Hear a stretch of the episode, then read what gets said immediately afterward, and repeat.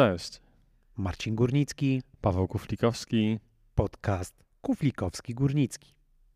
Półtora roku po prologu, e, w którym wymieniliśmy wszystkie możliwe odmiany kolarstwa, e, mamy gościa, który opowiada o dość niszowej, ale bardzo kolarskiej odmianie sportu. Opowiada w bardzo ciekawy sposób i jestem ciekaw, jak wielu z Was będzie chciało spróbować tej odmiany kolarstwa. Kolarstwa, ale nie tylko kolarstwa, bo to też również aktywności, które można robić na nartach albo biegając lub maszerując. No i to jest duża na pewno przygoda na łonie natury. Mistrz świata w kategorii U23, drugi medalista, jeśli dobrze zapamiętałem, Mistrzostw Świata w ogóle w tej dyscyplinie. Bartek Niebielski jest dzisiaj naszym gościem. Zapraszamy do wysłuchania odcinka. Zapraszamy i pamiętajcie jak zawsze, subskrybujcie podcast Kuflikowski Górnicki. Zapraszamy do reklamy. Partnerem podcastu jest Costa Blanca Cycling, zapewniająca najlepsze kolarskie doznania w Kalpę. Wypożyczalnia rowerów, zakwaterowanie i najlepsze hiszpańskie trasy na wyciągnięcie ręki. Wejdź na www.costablanca.cc i daj znać, kiedy przyjeżdżasz. To była reklama. Poprzednim tygodniu opublikowaliśmy z Pawłem samotną ucieczkę, w której dokonaliśmy pewnego podsumowania ubiegłego roku. I ja przed tą samotną ucieczką odsłuchałem naszego prologu, żeby mniej więcej nawet e, zobaczyć, jaki progres miał miejsce w naszym nagrywaniu. Prologu, który ma półtora roku już. Tak, tak jest. I tam z Pawłem na początku, znaczy mieliśmy nieco inne rozpoczęcie niż e, mamy aktualnie. Tam na początku wymienialiśmy różne odmiany kolarstwa terenowego. Między innymi wymieniliśmy MTB-O. I dzisiaj z naszym gościem o tym porozmawiamy. A jeszcze tutaj skorzystam z tego wstępu, nieco przydługiego. Spotkaliśmy w reakcji łańcuchowej dzisiaj Klaudię Czabok, która powiedziała, że nie jest już tak łatwo się tutaj dostać na ten fotel e, gościa, więc odsyłam Was do naszej aukcji Wośpowej, w której, w której możecie wylicytować możliwość e, bycia naszym gościem, możliwość degustacji pysznej pizzy oraz Rywalizacji możliwość, z górnikiem o pizzę. Nazwijmy to po imieniu. oraz możliwość e, towarzyszenia nam, współtowarzyszenia e, w jeździe na rowerze, w treningu. Zobaczymy, co z tego wyjdzie. Dobra Marcin, bo strasznie się rozgadałeś, tu gość czeka, żeby coś powiedzieć. To ja powiem tylko jedno, jedno zdanie. E, kolarstwo górskie na orientację kojarzy mi się z gośćmi na rowerach, e, z, map, z mapnikami i z jakimiś takimi skrzyneczkami czy pudełeczkami rozwieszonymi w lesie. Tak czy nie? Y, ogólnie skojarzenie jest dobre. No, znaczy, mapniki się zgadzają, a co do tych skrzyneczek, to nie wiem, co do końca masz na myśli. Prawdopodobnie chodzi o punkty kontrolne. Pewnie tak. Y, Okej, one zazwyczaj mają formę takiego biało-pomarańczowego lampionu. Tak, no coś takiego właśnie miałem na myśli. No to dokładnie to. To często można to chyba zaobserwować w okolicy trasy Maćka Jeziorskiego. Tak, y, tereny Mazowieckiego Parku Krajobrazowego i okolica y, są wszystkie zmapowane, więc dosyć często tam się odbywają czy różnego rodzaju treningi, y, czy zawody i w MTBO, i w biegach na orientację. E, Jak z twojej perspektywy, czym z twojej, perspektywy jest MTBO? Jak to, to byś to określił? Bo dla mnie, tak jak mówię, ludzie na mapnikach, jazda na orientację, ale to chyba coś więcej. Y, Tak, no jak dla mnie jest y, przynajmniej jedyną dyscypliną, kiedyś o tym, nad tym się zastanawiałem, jest to dla mnie jedyna dyscyplina, w której tak bardzo muszę połączyć wysiłek fizyczny z wysiłkiem umysłowym, ale nie takim prostym, czyli że no nie wiem, tutaj nie mogę, będzie górka, to nie mogę, y, to mogę zaatakować na przykład. To jest takie operacyjne. A jazda na orientację y, wiąże się jeszcze z pewną, nazwijmy to, zagadką logiczną, czyli muszę jednocześnie opracowywać sobie wariant, kontrolować jego realizację, ale najtrudniejsze w tym wszystkim właśnie jest oszacowanie, jaki wariant przejazdu pomiędzy jednym punktem a drugim będzie najbardziej optymalny, bo muszę wziąć pod uwagę bardzo różne czynniki, e, no i, i to jest klucz tego sportu. E, ale jeśli chodzi tutaj o, o tą rywalizację, e, to jest to sport kondycyjny, tak jak nam się kojarzy kolarstwo górskie, czy raczej tutaj ten czas nie jest aż tak kluczowy? Nie, nie. Jeżeli chodzi o pewną charakterystykę, to jest to coś pomiędzy cross country a maratonem, ponieważ trasy są trochę krótsze niż w takim maratonie górskim. Może trochę bliżej tego Poland bike, do tego Poland Bike'a. E, no ale jednak jest, są robione znaczne przewyższenia i e, często te trasy mają takie elementy faktycznie trudne technicznie, e, więc zdecydowanie jest to sport kondycyjny. Czy ty do wyścigu możesz się wcześniej jakoś przygotować, czy to jest tak, że stajesz na starcie chwilę wcześniej, dostajesz mapę i właśnie w tym momencie następuje przygotowanie w twojej głowie, opracowanie całej taktyki, kiedy i jaki punkt zdobyć? Y, generalnie to y, po pierwsze punkty ja mam narzucone w jakiej kolejności muszę je, muszę je zaliczać. Y, nie znam trasy wcześniej, to znaczy znam jej takie wstępne parametry, to znaczy jaki będzie szacowany czas zwycięzcy, ile jest punktów kontrolnych, ale w ogóle nie wiem gdzie one się będą znajdować. Mapę dostaję minutę przed startem no i to zazwyczaj starcza na opracowanie kilku pierwszych punktów kontrolnych, a na trasie jest ich na przykład 20 albo 30, więc resztę będę musiał e, w trakcie e, opracowywać. I jeżeli chodzi o teren zawodów, to w przypadku imprez mistrzowskich, tam Mistrzostwa Europy, Mistrzostwa Świata, to jest to teren zakazany. Ja nie mogę się w nim pojawić, ani żadna osoba z ekipy, trener i tak dalej, nie mogę się w nim pojawić na przykład na rok czy dwa przed imprezą, Wiadomo, że zawodnicy starają się przygotowywać na różne sposoby inne, czyli na przykład chodzę na Street View przed y, zawodami, które będą w terenie, gdzie to Street View jest, mhm. albo oglądam stare mapy danego terenu. Y, jednak fizycznie zapoznać się z trasą, z konkretnymi jej elementami, to nie ma takiej możliwości, bo na tym polega cała trudność dyscypliny, żeby opracować to w trakcie.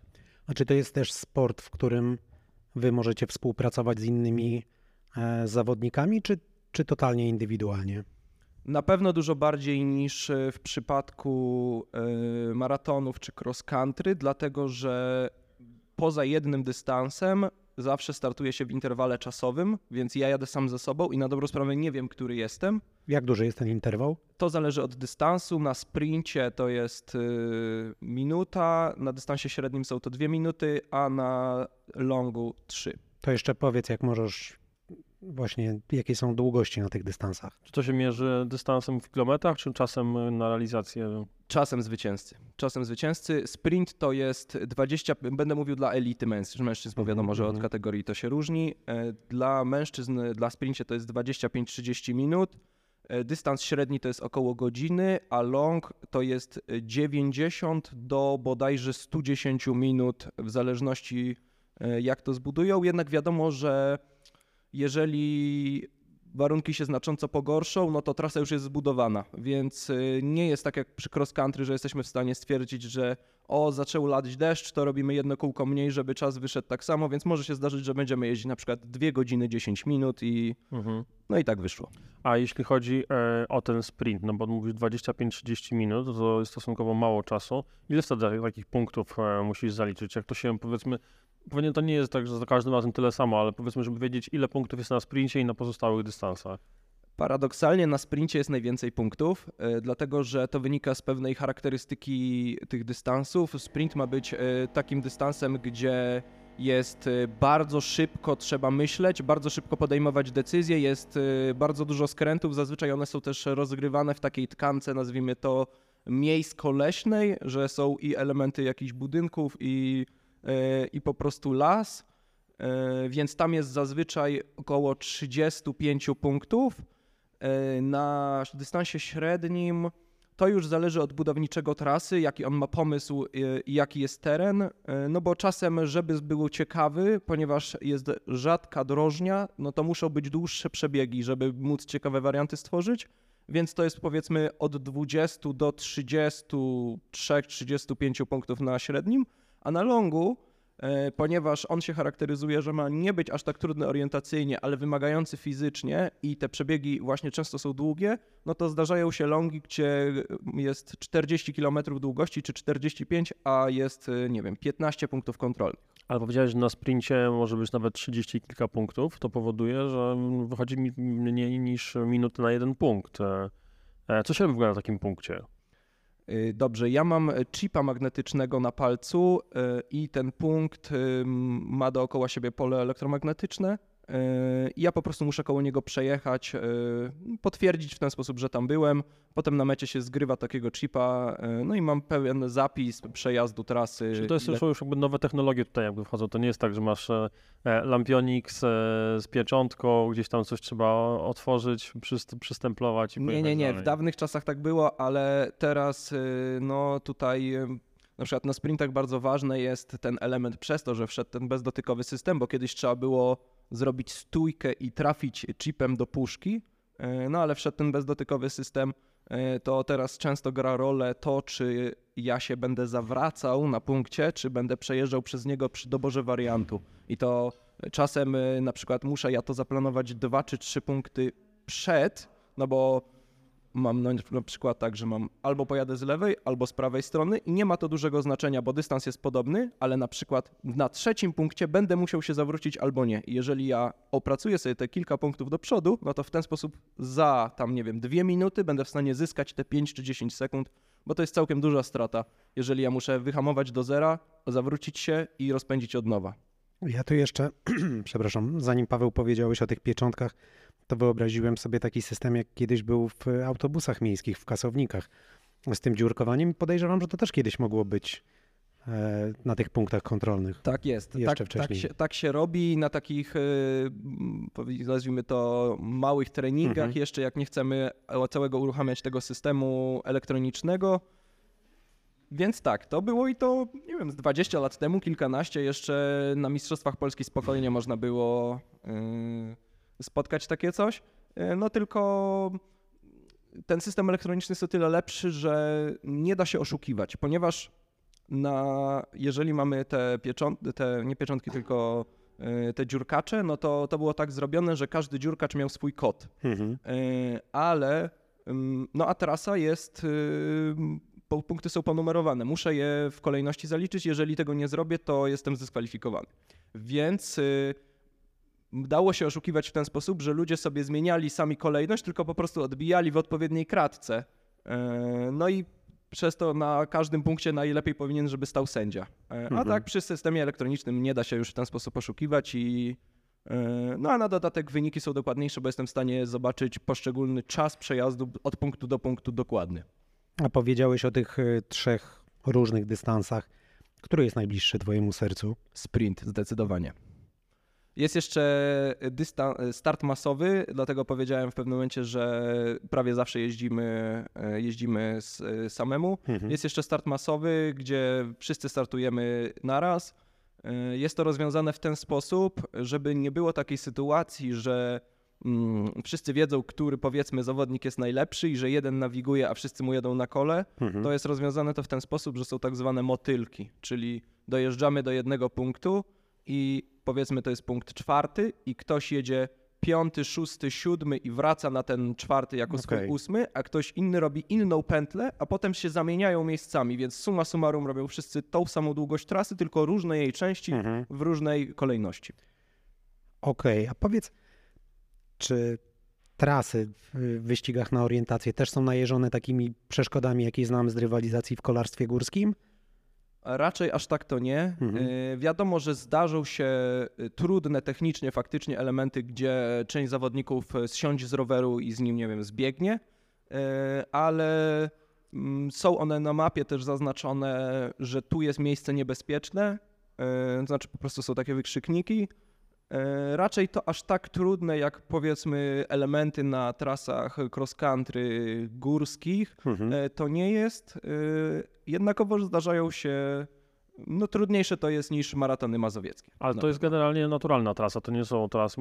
Orientacja powoduje to, że możesz ustalić przebieg jakby z przejazd dowolnym trasą, więc nie musisz zaliczać danego elementu technicznego. Tak więc, jest. Więc możesz tak naprawdę, bazujesz pewnie na naturalnym terenie przede wszystkim. Tak, i bardzo często, mm, jeżeli się jeździ w jakimś terenie, gdzie są już zrobione single tracki, E, One często są na mapie oznaczone jako jednokierunkowe, no w związku po prostu z budową tego single tracka, e, to nie zazwyczaj nie opłaca się nim jechać, bo single Mhm. track się kręci i fajnie się nim jeździ na rowerze, ale tak naprawdę zazwyczaj opłaca się objechać ten fragment jakoś shooterem e, czy inną drogą o dobrej przebieżności. Mm, Jasne.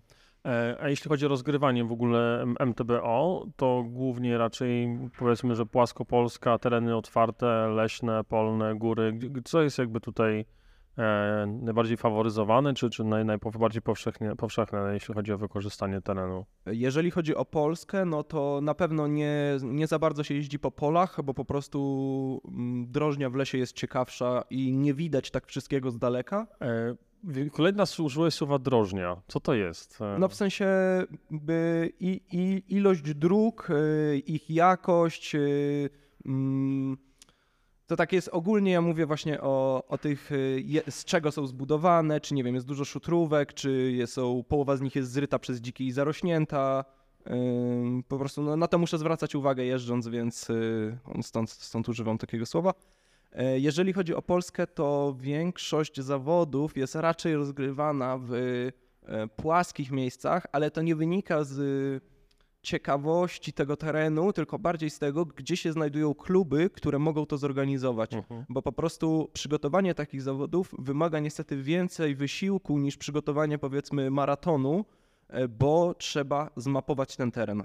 Ta Co to mapa znaczy zmapować? Bo tam de facto jakby mapa, no to jest jakby dostępna w tej chwili, e, wszystko jest cyfrowe, więc jaka tutaj praca dokładnie jest do wykonania? Nie, to jest dużo, dużo jest pracy bardzo w terenie, dlatego że ta mapa jest dużo, dużo dokładniejsza niż jakakolwiek mapa, powiedzmy, Garminowa. To znaczy na tej mapie e, dostępne takie są, e, po pierwsze, przebieżność dróg, poza tam asfaltowe, szutrowe, droga, e, teren taka leśna jest podzielona na, e, tak, na 4 stopnie przebieżności i jeszcze przecinki, które już ktoś nie zaklasyfikował, to że to już nie jest droga. Ym, No tam w teorii jest rozpisane, że z jaką prędkością, jaka to jest procent prędkości maksymalnej, no ale generalnie chodzi o to, że 4 stopnie szybkości, wiek po jakim mogę się poruszać po tej drodze, ale na tej mapie również są zaznaczone paśniki, szlabany, rowy melioracyjne, wiadomo, że tam tereny jakieś e, zabudowane czy płoty, praktycznie wszystko, co widzimy, no i wiadomo, jakieś poziomice, gęstość lasu, więc praktycznie wszystko, co widzimy w terenie, to ma swoje odzwierciedlenie na tej mapie. Dlatego można sobie ściągnąć powiedzmy z lidara e, jako podkład i zrobić taką podstawową wersję tej mapy, ale potem, żeby ona była dobra do rozgrywania na niej jakichś poważnych zawodów, to musi pójść ktoś w teren i przejechać każdą drogą chociaż raz. Bartek, czy ty zdawałeś mat- y, na maturze geografię?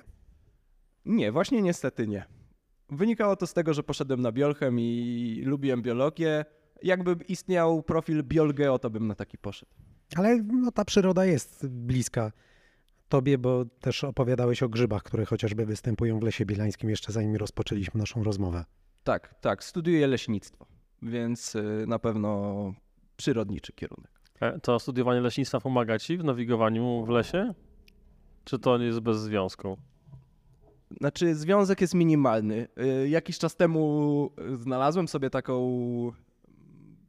Pomogło mi to w ten sposób, że no, uczyłem się o fizjologii konkretnych gatunków drzew i mm, no, jest takie coś, że brzoza bardzo lubi tereny otwarte, więc w lesie zazwyczaj nie rośnie nigdy w środku drzewostanu, tylko na przykład na takim pasie przy drodze. I jakiś czas temu, ponieważ na orientację też, to oczywiście w zależności od kraju, tnie się przez las po prostu bez drogi, Mhm. no to ja nie byłem pewien, czy mam jechać, czy mam bardziej na jedną stronę odbijać, czy na drugą, ale zobaczyłem, że jest pas brzus gdzieś tam na mm, odległości powiedzmy 100 metrów. Mówię, dobra, no to tam jest droga. No i dojechałem tam, gdzie chciałem w ten sposób. A abstrahując od tego, że wykorzystujesz mapę na zawodach, czy tobie się zdarza używać nawigacji? Takiej samochodowej. Samochodowej, ale też rowerowej, jak gdzieś jeździsz e, właśnie nie, nie na zawodach. Yy, tak, zdarza mi się, yy, ale tylko w miejscach, których nie znam. To znaczy, tu no, jestem z Warszawy, więc w okolicach Warszawy mi się nie zdarza, ale jak gdzieś pojadę w jakieś góry, gdzie nie znam tych dróg, no to robię sobie traka, bo po prostu jest to płynniejszy przejazd, czyli ja nie muszę e, spowalniać czy tam się zatrzymywać, żeby wyciągnąć telefon i sprawdzić na mapie, w którym kierunku bym miało sens pojechać teraz. Ale nie zdarza ci się tak, że zatrzymujesz się, rozglądasz dookoła i kompletnie nie wiesz, gdzie jesteś, nie wiesz, w którym kierunku pojechać. Nie, totalnie rzadko. Znaczy zdarzyło się kilka razy w Mhm. życiu, ale mm, to jakoś było w nocy, czy tego Mhm. typu niesprzyjające okoliczności. Tak to się nie zdarza. Ale masz taki wewnętrzny dar, czy to jest wytrenowany instynkt po- poruszania się w, w terenie bez, na, bez, bez nawigacji, z mapą? Trochę tego, trochę tego. To znaczy, no, mam bardzo dużą łatwość do zas- zas- zapamiętywania takich szczegółów topograficznych, e, czyli no, przykładowo rozmawiam z jakimś znajomym, że tam kiedyś coś się działo, no to on mówi, no rozmawialiśmy o tym i tam dana osoba zrobiła coś. A ja tego nie pamiętam, ale za to pamiętam, że tam jechaliśmy, nie wiem, drogą szutrową e, i stał tam taki czerwony budynek obok i nie wiem, była górka e, 100 metrów dalej, wszystko to było w takim, nie wiem, lesie bukowym na Mhm. przykład. Więc takie rzeczy, no ileś to jest wiadomo, po prostu e, obcowanie z tym, z tą nawigacją w terenie i to daje też na pewno efekty poza tym. E, A to, to MTBO pojawiło się u ciebie dlatego, że szukałeś jakiejś alternatywy, czy zawsze ciągnęło cię do jakichś takich bardziej przygodowych e, wyzwań? E, To znaczy, ja najpierw zacząłem, zainteresowałem się orientacją, a potem zacząłem ścigać na rowerze, tak na dobrą sprawę. Mając lat 11 czy 12, szukałem, no zawsze lubiłem sport i szukałem sobie takiej dyscypliny, żeby trochę się w nią bardziej zaangażować. E, No i gdzieś w jakiejś lokalnej gazetce przeczytałem, że są takie zawody, a jako, że miałem dobrą orientację w terenie, no mówię sobie, dobra, wystartuję. To wtedy było jeszcze biegowe, czy, czy, czy marszowe? To akurat były rowerowe, e, to akurat były rowerowe, ale ja przez pierwsze kilka lat e, nie byłem w stanie się zdecydować, ponieważ lubię też biegać, nie byłem w stanie się zdecydować, czy chcę rower, czy bieganie i robiłem trochę tego, trochę tego, a potem te rowery jakoś tak przybrały na sile i skupiłem się na nich. Ale to gdzieś przez to właśnie, też wspomniałeś przed nagraniem, że mieszkasz w Radości, to właśnie gdzieś e, w tamtych rejonach, powiedzmy, o których wspomniałem wcześniej, przy trasie Maćka? No, zawody by akurat były w Falenicy, Mhm. ponieważ jest to, no, moim zdaniem, jeden z najlepszych terenów do orientacji, jakie znam. Ta falenicka trasa biegowa, tak? No nie no, falenicka trasa biegowa to jest tylko tam element. Chodzi Aha. po prostu, że w ten las jest super ciekawy, dlatego że jest w nim gigantyczna ilość dróg. Mhm. To znaczy naprawdę jest gigantyczna, to no ja jeżdżąc y, na te zawody na orientację gdzieś po Europie czy, czy w Polsce, to bardzo rzadko zdarza mi się znaleźć taki teren, który byłby na tyle ciekawy, bo no niestety jest tak, że większość lasów, szczególnie w terenach nie w okolicy dużego miasta czy jakichś ośrodków takich, gdzie ludzie mieszkają, są po prostu kwadratami. Co z perspektywy orientacji jest super nudne, bo Mhm. Wtedy te warianty są nieciekawe, te drogi są daleko od siebie i tak dalej. A czy Mazowiecki Park Krajobrazowy, czy na przykład e, lasy w okolicach Legionowa są takie, że no jest kilka wydm, te ścieżki są ró- ró- różnorodnie ułożone, e, przez co no bardzo fajnie się tam nawiguje. E, A kiedy to był ten moment zwrotny, że nie tylko pojawił się rower, ale też pomyślałeś o tym w składach, nie wiem, sportu, rywalizacji już na takim poziomie, może jeszcze nie prezentacji, ale, ale już aspira, aspirując do, do tego, żeby rzeczywiście rozwijać się i walczyć o najwyższe lokaty. O kurczę, ciężko będzie odpowiedzieć na to pytanie, bo to tak e, przychodziło stopniowo. Mm, W pewnym momencie yy, w pewnym momencie dane mi było, ponieważ Mistrzostwa Europy odbywały się w Polsce w Krasnobrodzie, yy, no dane mi było tam, yy, tam być. No i ja spojrzałem na tych starszych zawodników. Miałem wtedy bodajże 15 lat, to startowałem w takiej juniorskiej kategorii, czy nawet mniej, 14, no nieważne. Spojrzałem na tych starszych zawodników i pomyślałem sobie, że ja też chcę kiedyś stanąć na takim podium e, i e, no i tak być w tym środowisku.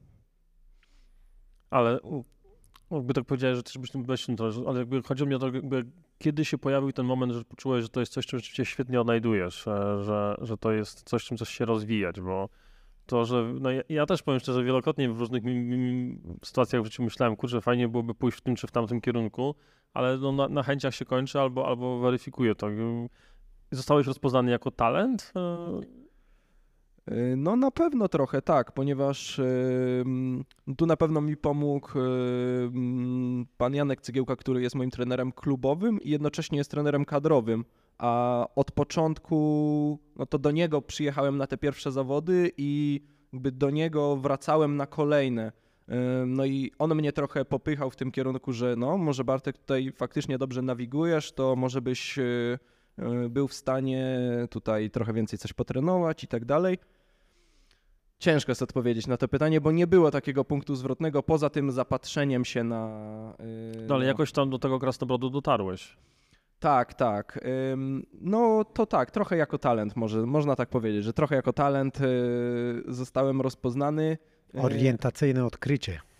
Tak, tak, bo niestety ja mam takie wrażenie, że mm, przy orientacji bardzo dużo decyduje ten talent. To znaczy, jeżeli, y, szczególnie w tych kategoriach y, młodszych, jeżeli mm, jest ktoś, kto, nie wiem, jest 15-latkiem czy 14, ale trenuje i zależy mu na tym, żeby osiągać dobre wyniki, no to może nie będzie najlepszy, ale będzie w czubie, jeżeli, jeżeli wkłada w to w pracę, powiedzmy, w maratonach.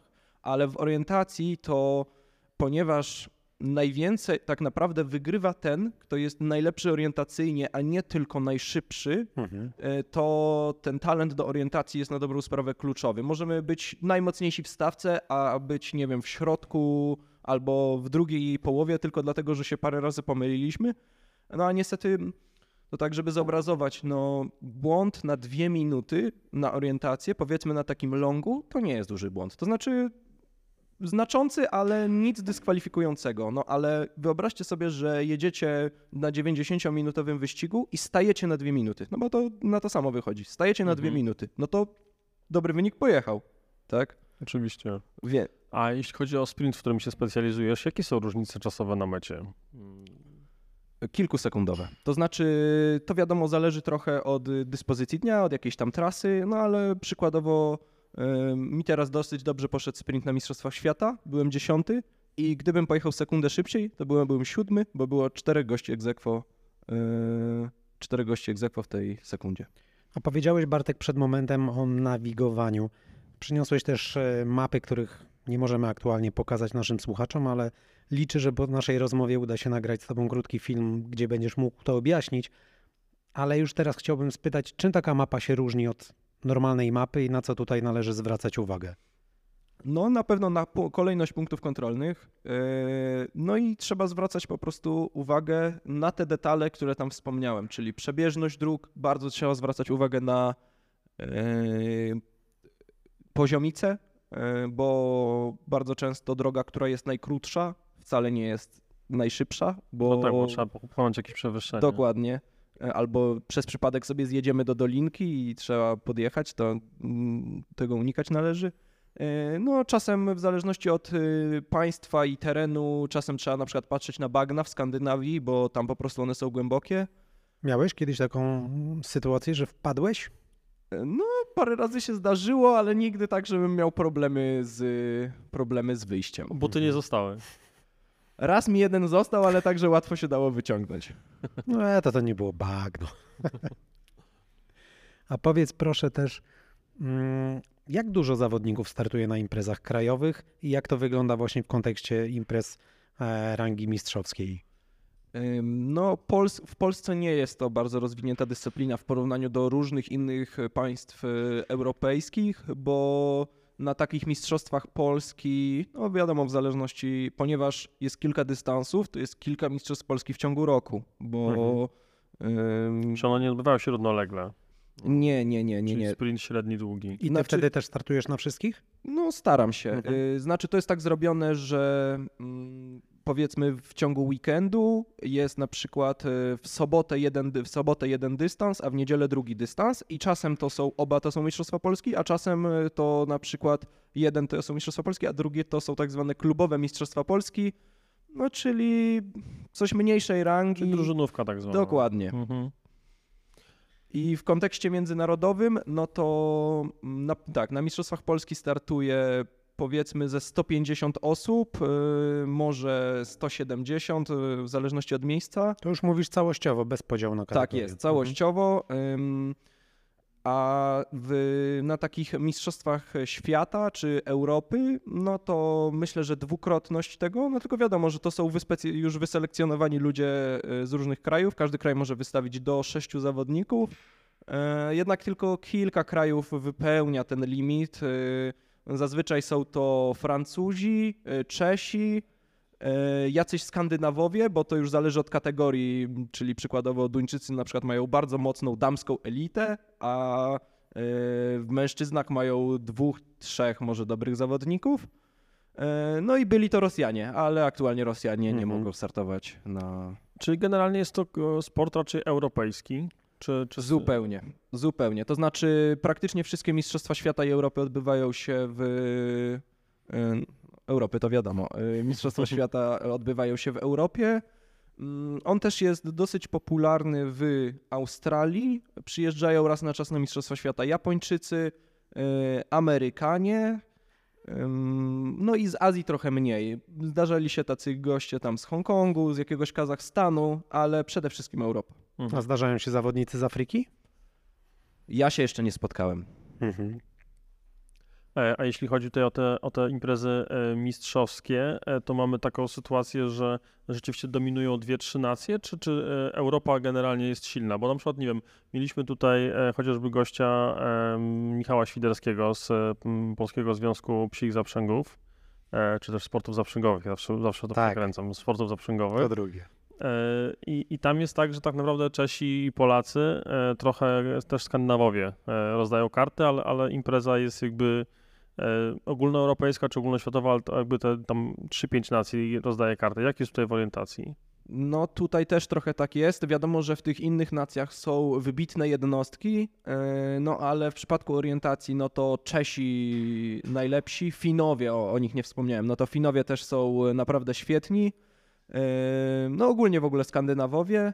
E, Ci Francuzi są dosyć dobrzy, e, a tak to to już są pojedyncze jednostki z stylu, jest taka na przykład Brytyjka, która no, jest niesamowita w elicie, ma już chyba tych tytułów mistrzowskich, nie wiem, z 8 mistrzyni świata. Czyli są tacy dominatorzy. Tak, tak. Czy Szwajcarzy są bardzo dobrzy, ale to już mm, jakbym nie znał, nie- był już w tym środowisku, to ciężko by mi było przewidzieć, który kraj będzie najlepszy, a który, a który nie. Są tacy dominatorzy.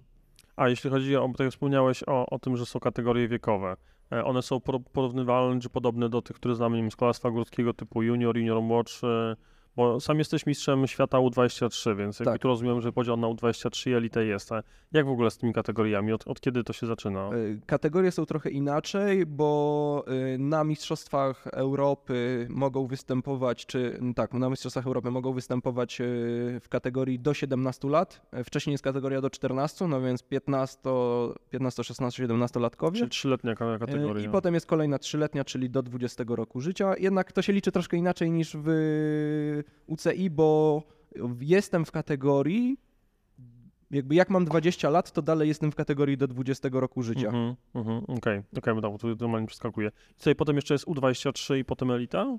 Tak, tak. y, No tylko też to jest zrobione tak jak y, w UCI, że mm, jesteśmy filtrowani jako zawodnicy U23 po prostu z elity, ale startujemy razem z nimi Okej. i bierzemy udział, nazwijmy to, w tych samych rankingach. Mhm, czyli open, nie? Mastersi później? Tak, później jest Mastersi y, od 40 roku życia. Czyli elita jest do 40, okej. Znaczy, tam jest kategoria, bo ona, ona się nazywa Pewnie senior do 40, albo, a, do więc 40. tam mogę, jak mam 35, sobie do niej pójść, y, no ale powiedzmy, że od tej 40. W której kategorii najwięcej osób startuje? W Polsce i, i na świecie? E, Bo tak jak e, w wielu dyscyplinach na przykład mamy teraz tak, że mamy taki trochę regres tego środka stawki tych kategorii właśnie U23 elity, a jest sporo młodzieży i sporo elity. Jak to wygląda? E, Sporo mastersów. Jak to wygląda w e, orientacji? Mm, Jeżeli chodzi o Polskę, no to niestety jest podobnie. e, Czyli najwięcej jest e, takich e, osób w wieku 40-45.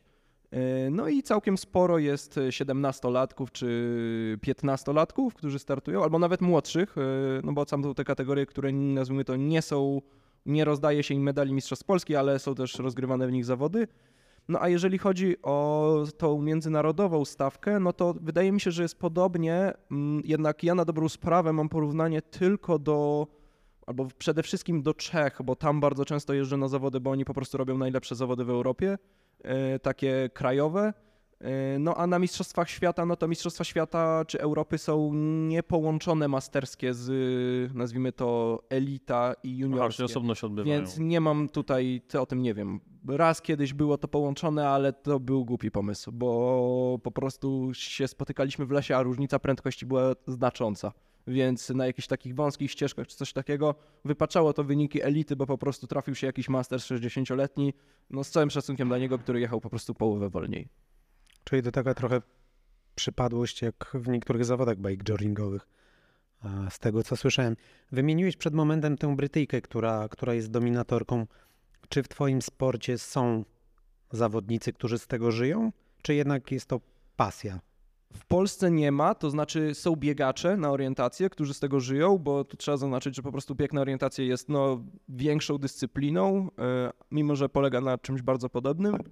A na świecie są zawodnicy. No ta Brytyjka, jeżeli z tego, z tego co wiem, w dużej części żyje z tego, trochę jeszcze chyba jest nauczycielką WF-u, więc tak sobie dorabia, ale mm, jest w stanie jakoś to połączyć i część zawodników e, żyje albo z orientacji, albo z orientacji z czymś, czyli przykładowo, mm, no nie wiem, e, Fin, który no jest jednym z najmocniejszych Finów, jest też mistrzem Finlandii w cross country, więc Czyli łączy z jedną dyscypliną. Dokładnie. Mhm. Albo no jest na przykład Portugalczyk, taki dosyć mocny, no to on jest mistrzem Portugalii w maratonie. E, Więc y, łączą to. E, Tak, to, to, to zależy od kraju. No, Rosjanie na pewno byli w stanie z tego wyżyć, dlatego też mieli taką silną reprezentację. E, No i w tych krajach skandynawskich też to jest możliwe, ale tak to większość raczej ludzi traktuje to jako życiową zajawkę. A czy przypadki dopingu też występują? Generalnie była taka sytuacja, tylko no ja nie chcę mówić, bo to nie było potwierdzone. Jeden właśnie z Rosjan, zanim nastąpiło tutaj wykluczenie ich, y, ewidentnie był dużo, dużo mocniejszy niż reszta stawki, ale tak się stało. Nagle w ciągu dwóch lat był mocniejszy niż reszta stawki i po To znamy takie cuda w Polsce również. wygrywał po kolei, po czym jak dwa razy przyszła do niego kontrola dopingowa, to dwa razy go nie było w domu. Znaczy Mhm. tam w miejscu, gdzie Mhm. zgłosił, że będzie przebywał.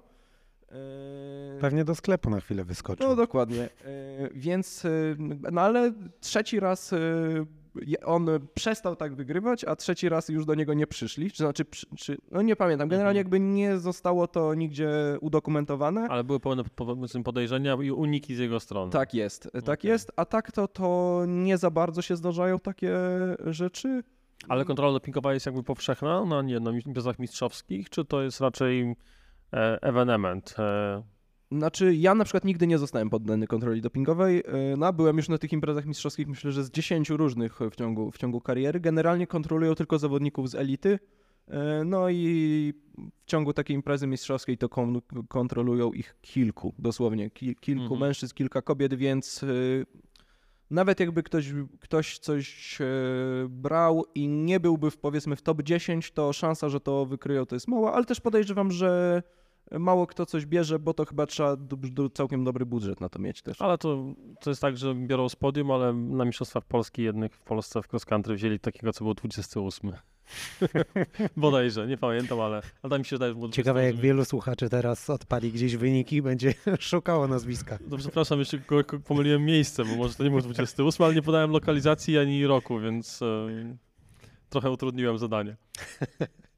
E, Powiedziałeś o budżecie, to powiedz też, na jakie ty możesz e, liczyć wsparcie ze strony związku. Czy to jest wszystko musisz sobie sam finansować, sprzęt, wyjazdy, e, trener, dieta i tak dalej, i tak dalej, czy jednak jest trochę kolorowiej? Nie, moim zdaniem teraz to już nie ma tragedii. Jakby, żeby do tego dojść, musiałem e, dosyć e, duże nakłady z własnej strony pójść, ale to chyba jest ponieść, ale to jest chyba takie naturalne. No, w tym momencie mm, dla zawodników kadry A, no bo kadra narodowa jest podzielona na kilka e, tych, jest e, taki deal zazwyczaj, że jadąc na wyjazdy kadrowe, my mamy opłacone e, transport wpisowe i spanie i zazwyczaj musimy sobie kupić jedzenie, Mhm. ale też nie zawsze, bo często na właśnie Mistrzostwach Europy czy Mistrzostwach Świata to już jakiegoś rodzaju jedzenie mamy zapewnione na przykład śniadanie, albo śniadania i obiada kolację, więc to. Jeżeli chodzi o rowery, no to akurat w moim przypadku jest fajnie, ponieważ jakiś czas temu, konkretnie dwa lata temu, dostaliśmy mm, z ministerstwa po prostu pieniądze na sprzęt, no i ja z tego sobie y, kupiłem rower do ścigania i jak niedawno udało się też szosę kupić. Y, No, ale cały serwis tego i utrzymanie leży po mojej stronie, a niestety jestem rzeźnikiem sprzętowym, więc. y, Myślałem, że z zawodu rzeźniki. Więc y, no to trochę wychodzi. Mm, No i jakiś czas temu, dzięki właśnie, że udało się ten medal w U23, to w ministerstwie oni to uznali już jako kategorię seniorską, więc udało się dostać y, stypendium. Y, No to stypendium było na dobrą sprawę jednorazowe, no ale to zawsze parę tysięcy złotych też, y, też z tego wpadło. Ale powiedz mi, bo e, no, my tutaj też jakby siedzimy mocno w kolarstwie, ty też jakby równolegle startujesz również w standardowych powiedzmy zawodach kolarskich, e, więc wszyscy dobrze wiemy, że e, kondycja Polskiego Związku Kolarskiego i, i finansowania sportów również olimpijskich w Polsce jest na, na kiepskim e, poziomie. E, to, że ty jesteś w takiej dobrej sytuacji wynika z tego, że związek e, MTBO jest po prostu prężnie działający, dobrze działający. Na pewno lepiej niż yy, w całkiem ogólnym rozrachunku niż e, Polski Związek Kolarski. No wiadomo, że jest to dużo mniejszy związek, więc ta skala tego działania jest dużo mniejsza, ale ja nie ukrywam, jakby nie mam takich momentów, żebym łapał się za głowę, Boże, co oni robią. Mhm. Tylko raczej tu wszystko wiadomo, że mogłoby działać lepiej, ale działa ok. Jakby jedynym kolizyjną taką rzeczą z mojej perspektywy w tym związku jest to, że on zrzesza no nie tylko, nie tylko rowery, ale w Polskim Związku Orientacji Sportowej jest rowerowa jazda na orientację, jest bieganie na orientację i narciarskie biegi na orientację. I jeszcze taka dyscyplina dziwna trochę, przynajmniej z mojej perspektywy, bo jej nie rozumiem do końca, która się nazywa orientacja precyzyjna. To jest, y, ma to być odpowiedź na, żeby mogli ją też ludzie niepełnosprawni uprawiać. Czyli mm, to polega na tym, że w dużym skrócie, że dochodzimy do jakiegoś punktu, z którym widać, do jakiegoś punktu, z którego widać punkty kontrolne różne i my musimy na podstawie jakiejś tam mapy, którą mamy, stwierdzić, y, Ich który punkt jest, który tak, który to jakby, który to jest nasz. Mhm. Yy, No więc jest jeszcze taka dyscyplina. No i tutaj jedyne tarcie, jakie są w związku, no to jest po prostu o podział, przynajmniej z mojej perspektywy, o podział Środków. pieniędzy pomiędzy te kadry, no bo do, związek dostaje wspólną pulę, tak, za wyniki z różnych tych dyscyplin. Mhm. Znaczy, no, myślę, że nie dostaje, co bardziej wnioskuje, bo to będzie to się, to się o to rozbija, bo ja też jakby mocno eksploatuję ten temat, bo jesteśmy akurat na trzy tygodnie do Mistrzostw Świata w kolarstwie przełajowym, dyscyplina nieolimpijska, no i oczywiście pojawiła się informacja, że jeśli zawodnicy chcą pojechać na imprezę mistrzowską, e, to muszą w zasobie ją sami sfinansować, tenże wyjazd, bo nie ma grosza złamanego na, na te wyjazdy, więc e, E, Wspomniałeś o wyjazdach kadrowych. Mówisz o wyjazdach kadrowych tylko wyłącznie na imprezy mistrzowskie, czy macie też jakieś zgrupowania, jakieś takie wspólne wyjazdy właśnie w ramach kadry, żeby trenować? Mamy, mamy, no jeździmy do tych Czech całkiem często, bo po prostu no skala tych zawodów czeskich jest dużo, dużo większa, to znaczy tak jak w Polsce na Mistrzostwach Polski jest y, powiedzmy te 150 osób, no to w Czechach na Pucharze Czech jest 450 i w elicie ja powiedzmy mam y, ym, 60 rywali, y, 60 rywali, ale elita jest podzielona na elitę A, B i C. Okej. Y, więc y, gdyby ich złączyć wszystkich, no to bym miał, nie wiem, ze 120. A ci Czesi to jest jakiś fenomen, naprawdę, bo do, nie jakiś czas temu mieliśmy tutaj mm, gościa, chociażby Kasię Burek, e, wcześniej był Michał Topor, który teraz już też oficjalnie przychodzi na enduro i o, oni oboje mówili właśnie, że jeśli chodzi o ściganie w enduro również, to właśnie do Czech, bo tam są pełne listy startowe, setki startujących, a, a w Polsce pustki. E, to jest ciekawe e, Tak. zjawisko, że tak naprawdę której dyscypliny takiej amatorskiej czy masowej nie dotkniemy, czy narciarstwa, czy, czy biegów, czy rowerowki, to, to w Czesi po prostu to jest inny świat, a No i tam żyją sportem. Dużo Tak. bardziej. Jako taki, ja mam wrażenie, że w Czechach to jest jako taki forma spędzania czasu. No czyli jak wy sobie myślicie o spędzaniu czasu w majówkę, no to co? Grill i browarek. Ale to my ten oszczep No właśnie. Nie, nie, nie, właśnie to nie miało być, ale jako taki, mm, no jak Znaczy, większość nie, nie, ludzi myśli, tak, tak, wiecie o co mi chodzi. A w oczywiście. Czechach, no to oni pójdą na rower albo tam, no nie wiem, pójdą sobie na spacer w skałki, Tak. cokolwiek, ale... Znaczy tak, aktywność Tro, rzeczywiście. jakaś trochę aktywność. takie bardziej myślenie jak e, Skandynawowie, prawda? Na O, łonie tak, natury. Tak, troszkę tak. Troszkę My się tak. tutaj chyba różnimy niestety. Ale to może też wynikać e, do sprawdzenia, bo to tak z głowy mówię, ale chyba też gęstość zaludnienia chyba też może mieć tutaj e, wpływ, nie? że jednak e, w Polsce dzisiaj, zwłaszcza jeszcze po covid kiedy ludzie z, wyszli z domów i zaczęli odkrywać Polskę, jest tak, że gdziekolwiek nie pojedziesz prawie, oczywiście, to spotykasz masę ludzi, nie? Bo ja byłem w zeszłym roku na majówce w Bieszczadach, w takim miejscu, że spotkaliśmy przez pięć dni chyba dwie osoby, czy trzy, chodząc po górach cały czas. A z drugiej strony w Czechach jest taki urzekający cały czas folklor. Folklor, klimat, styl. Tak, tak. Wiesz co, no trudno powiedzieć jakby, no im z tym dobrze, a my w sumie chyba też fajnie to odbieramy. Nie, oczywiście właśnie ja to mówię w, w kategoriach na plus, zdecydowanie. Czyli co, Polacy jeżdżą do Czech, a Czesi jeżdżą do nas? Na zawody? No teraz będą musieli, bo są Mistrzostwa Europy w Polsce. O proszę. Gdzie E, będą? Będą koło Ostrudy. Kiedy? e, W maju. E, Więc teraz będą musieli, ale tak to, to nie za bardzo. No nie właśnie. no. bardzo. W cross country też jeździmy na Puchar Czech, nie? Tak, Tak mi się zawodników. skojarzyło znowu w tym temacie. E, A w ogóle jak to, jak, wróciłbym do twoich początków, nie? Bo, bo e, zacząłeś tam się powiedzmy amatorsko tym interesować, no bo jakieś ogłoszenie i tak dalej. Trafiłeś do lokalnego klubu, czy, czy jak dużo jest w ogóle tych klubów? E, czy to jest zrządzenie losu, że akurat byłeś w miejscu, czasie i mieszkasz w miejscu, gdzie te kluby, gdzie jakiś klub jest? E, Zrządzenie losu. To znaczy, ja teraz jestem, mój klub wygrał trzeci rok z rzędu, jeżeli dobrze pamiętam, te klubowe Mistrzostwa Polski. E, No i jestem w tym klubie od początku. E, To klub się nazywa UKS Falenica. E, No i to akurat jest zrządzenie losu, że po prostu trafiłem w tym miejscu, gdzie, gdzie, gdzie ten klub jest.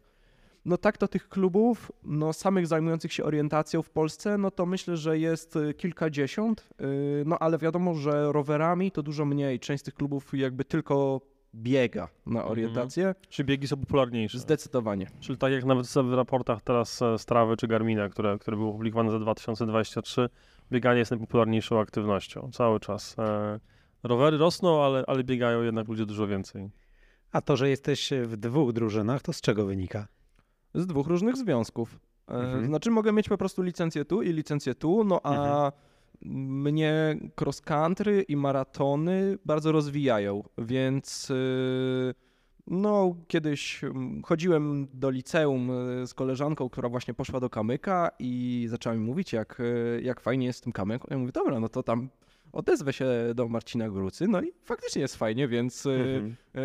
Jestem, jestem tam, no a jednocześnie właśnie mogę i trochę, niedobrze jest się, może tak, niedobrze jest się dusić w tym orientacyjnym sosie. W sensie nikt nie wygrywa e, na orientację na tym poziomie światowym, kto jeździ tylko na orientację. Zresztą sam wspomniałeś, e, Fin cross country, Portugalczyk e, maratony, maratony. więc, więc to Tak. rzeczywiście trzeba te dyscypliny ze sobą łączyć. Tak, tak, bo po prostu pomaga mi to po pierwsze tak, przyzwyczaić, ponieważ na orientację jeździ się troszkę na mniejszej intensywności niż na takich wyścigach y, bez mapy, no bo muszę cały czas zachować tą trzeźwość umysłu. Więc jestem w stanie przyzwyczaić swój organizm do jeżdżenia myśląc na wyższej intensywności, to jest po pierwsze, no a drugie to po prostu są skille techniczne y, i możliwość, nie wiem, szybkich zjazdów, podjazdów. No jeździmy też w górach głównie, te mistrzostwa są głównie w górach, więc y, to akurat będą koło Ostrudy, no to pagórki, tak? Mhm. Ale, ale często to są tereny takie kamieniste, gdzie te umiejętności techniczne są ważne, no i mogę się bardzo starać je wytrenować na Mazowszu, ale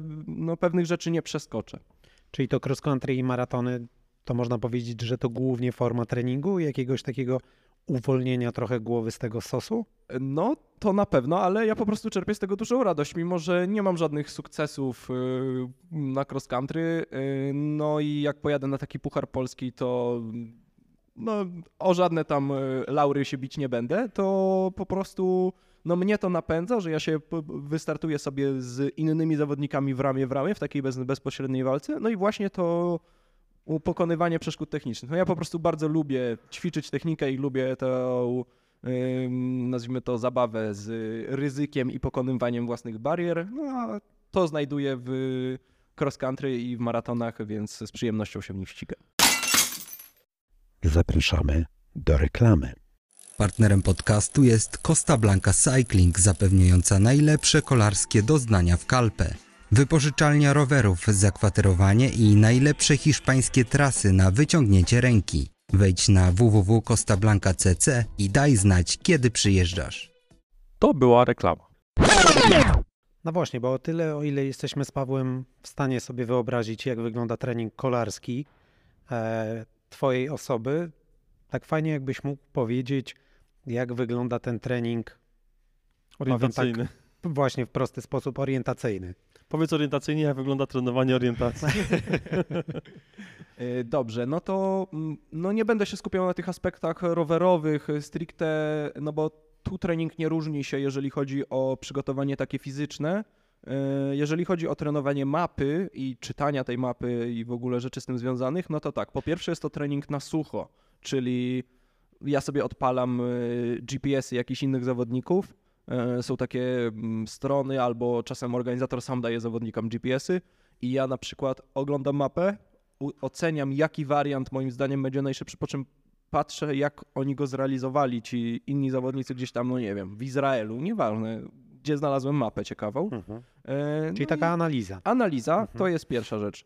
E, Różnego rodzaju e, zabawy takie, że się kombinuje z kształtem tej mapy. To znaczy, że na przykład e, mm, są takie treningi, one są głównie biegowe, ale na rowerze w sumie też by można to robić jako taki trening uzupełniający, że wyrzuca się z mapy praktycznie wszystko poza poziomicami.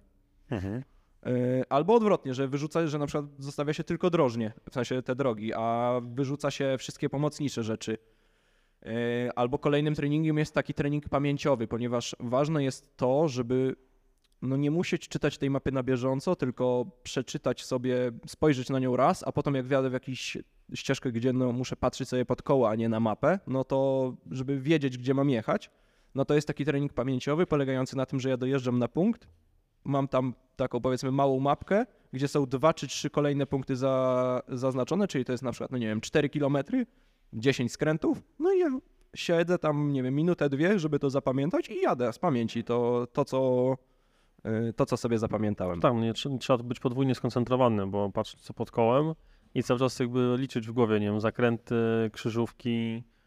Tak, tak. Chociaż y, tu, y, to z czasem przychodzi, bo ludzie na początku właśnie starają się liczyć drogi, a to jest najgorsze, co można zrobić, bo w tym jest się najłatwiej pomylić. Najlepiej jest się spróbować odbijać od różnych rzeczy. To znaczy, że na przykład widzę, że mam skręcić za gęstym lasem, a nie w trzecią drogę w lewo, tylko w, zobaczę, no nie wiem, No gęsty właśnie, las. orientacja, a nie matematyka. Tak, dokładnie, dokładnie, bo po prostu liczenie dróg, no to jedną sobie przegapisz, bo akurat spojrzysz na mapę. Albo zarosła akurat. Nie? Dokładnie, albo no nie wiem, zaparkował ktoś tam samochodem, no albo mijałeś się z innym zawodnikiem na wąskiej ścieżce, więc zamiast się rozglądać, czy mijasz drogę, to skupiłeś się na tym, żeby się z nim nie zderzyć.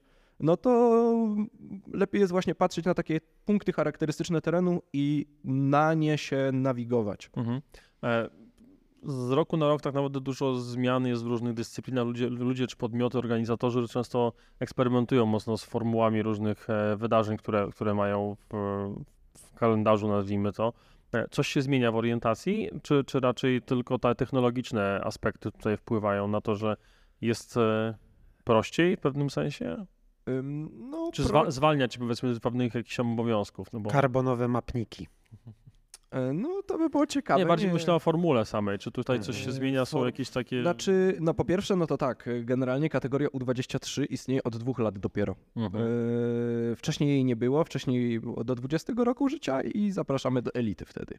Yy, więc był po prostu duży przeskok, bo tacy, no zresztą na pewno tak samo jakby było w powiedzmy cross country, no 20-latek, który jest dominatorem wśród 20-latków, jak pójdzie do elity, no to wcale niekoniecznie będzie tym dominatorem, tak jak ten Martin Vidaure, tak, który przecież No tak. super wszystko wygrywał i okej, no jeździ na bardzo dobrym poziomie w tej elicie, ale nie ściga się tam o podium. Mhm, to prawda. E, No i tu było tak samo, więc wprowadzili tą, tą kategorię do 23 lat jako nową rzecz. W ogóle mogę powiedzieć, no bo to mi się, to się pochwalę, że jakby jestem pierwszym historycznym zwycięzcą, bo pierwszy Tak raz się jakby- zgrało Tak się zgrało, E, więc fajnie. Jest tęczowa koszulka, czy, czy Nie, mistrz właśnie- świata ma jakąś w orientacji mają jakieś inne... Nie, właśnie nie dają czegoś takiego. To jest smutne, w sensie można sobie, mogę sobie zrobić i nikt nie będzie, mogę w niej potem jeździć i nikt nie będzie miał do mnie o to pretensji, A ale to nie jest tak koszulka tęczą, nie tylko to jest jakoś pewien... Czy jest jakiś w ogóle symbol e, mistrza świata? Nie, symbol właśnie nie ma. Właśnie nie ma. To jakby to jest do zmiany, bo zawsze jest fajnie takie coś, z czym się wszystkim kojarzy, to fajnie by było, jakby był Mhm. taki symbol. E, No a tak to, to jeżeli chodzi o eksperymentowanie z formułą, no to organizatorzy eksperymentują, ale w ramach takich y, zabaw, czyli że na przykład jest y, 60 minut na różne punkty kontrolne, które nie są w, nie są w kolejności określonej, tylko po prostu są rozsiane po mapie. No i ile zaliczę, tyle, tyle mam. Albo, że na przykład te punkty mają wagi różne, więc jest taka łamigłówka, ym, czy bardziej się opłaca gdzieś jechać daleko za punkty o, o Mhm. większej wadze, czy za, zaliczyć kilka koło siebie, ale, ale mniej punktowanych. Mam w głowie taką, nie wiem, czy to jest e, organizator, czy to jest formuła Harpagan też jest na or- orientacji, albo to jest jakiś klub, nie wiem Tak, dokładnie, ale, ale kojarzy mi się właśnie z takim amatorskim e, e, właśnie wyzwaniem, że to jest duży, dość duży teren i, i tych punktów nie trzeba zebrać wszystkich, tylko właśnie można sobie to jakoś tam e, ustalać. e. Y, Harpagan to jest klub orientacji właśnie sportowej. Oni i, ym, no i na rowerach trochę jeżdżą i, i przede wszystkim biegają i właśnie robią zawody, które o tej samej nazwie, y, które są takim rajdem na orientację, czyli dokładnie mamy pewne trasy, ale nie musimy zebrać wszystkich punktów. Nie musimy zebrać wszystkich punktów na tych trasach. Te trasy są rzędu, jeżeli dobrze pamiętam, stuwa rowerowa mieszana z bieganą pięćdziesiątką, czyli że w nocy biegam 50, a w dzień jeżdżę stówę na rowerze. To już jest duży wysiłek. To już jest dużo, to już jest dużo. E, No i są jeszcze na przykład stricte rowerowe albo stricte biegowe, tam no nie wiem, stuwa rowerowa, e, chyba 200 jest też. Ja to już nie pamiętam, raz w tym Mhm. właśnie kiedyś startowałem na 100 km. Zabawa była przednia. e, I tam właśnie to jest w takiej formule, że zaliczam to w jakiej kolejności chcę i nie muszę zebrać wszystkich, tylko tam jest właśnie jakiś limit czasowy, no chyba w zależności od trasy po prostu Mhm. jest limit czasowy, w jakim muszę dotrzeć na metę. A tutaj ten, ten jeszcze do tej koszulki tęczowej, bo pomyślałem, że może e, orientacja mogłaby się włączyć do UCI, ale, ale z drugiej strony właśnie tej orientacji jest e, w różnych odmianach, bo jest i zimowa, i rowerowa, i biegowa, więc e, tutaj ciężko rzeczywiście byłoby to e, połączyć. Paweł wrócił do tęczy, a ja wrócę jeszcze na moment do tego e, treningu, tej umysłowej części. Czy ty masz trenera, który za to odpowiada, czy ty regularnie trenujesz właśnie tę, tę stronę swojej dyscypliny? I czy wplatasz w to takie aktywności jak, nie wiem, rozwiązywanie krzyżówek, różne łamigłówki? No, nie mam trenera, który za to odpowiada. Ym, Generalnie umówiłem się niedawno właśnie z moim trenerem, że żeby mieć tą motywację do tego sukcesywnego przeglądania GPS-ów innych zawodników i, i analizy tego, no to, że on mi to będzie wrzucał jako trening po prostu w trening Pixa, że tego dnia, żeby to zrobić i, i staram się to robić i miejmy nadzieję, że przyniesie to jakiś efekt, bo to jest po prostu wniosek z zeszłego roku, że tak trzeba robić, bo po prostu w zimie w zeszłym roku to zaniedbałem, więc mam nadzieję, że w tym się e, uda tego uniknąć. Jeżeli chodzi o jakieś łamigłówki, no to ja lubię takie rzeczy, ale nie rozwiązuję tego z perspektywy dobra, w tym tygodniu jeszcze nie robiłem treningu rozwiązywania krzyżówek, no to sobie zrobię. Nie, nie, raczej to jest tak... 100-200 panoramicznych. Raczej, A to, to, to się robi z automatu zabawy. chyba już w tej chwili, bo już tam chyba wyczerpali wszystkie pytania. Ale na przykład, e, tak jak myślę e, o tej orientacji, tak jak nie wiem, planujesz sobie punkty kontrolne, e, że to będzie w tej kolejności i będą do wykonania te manewry.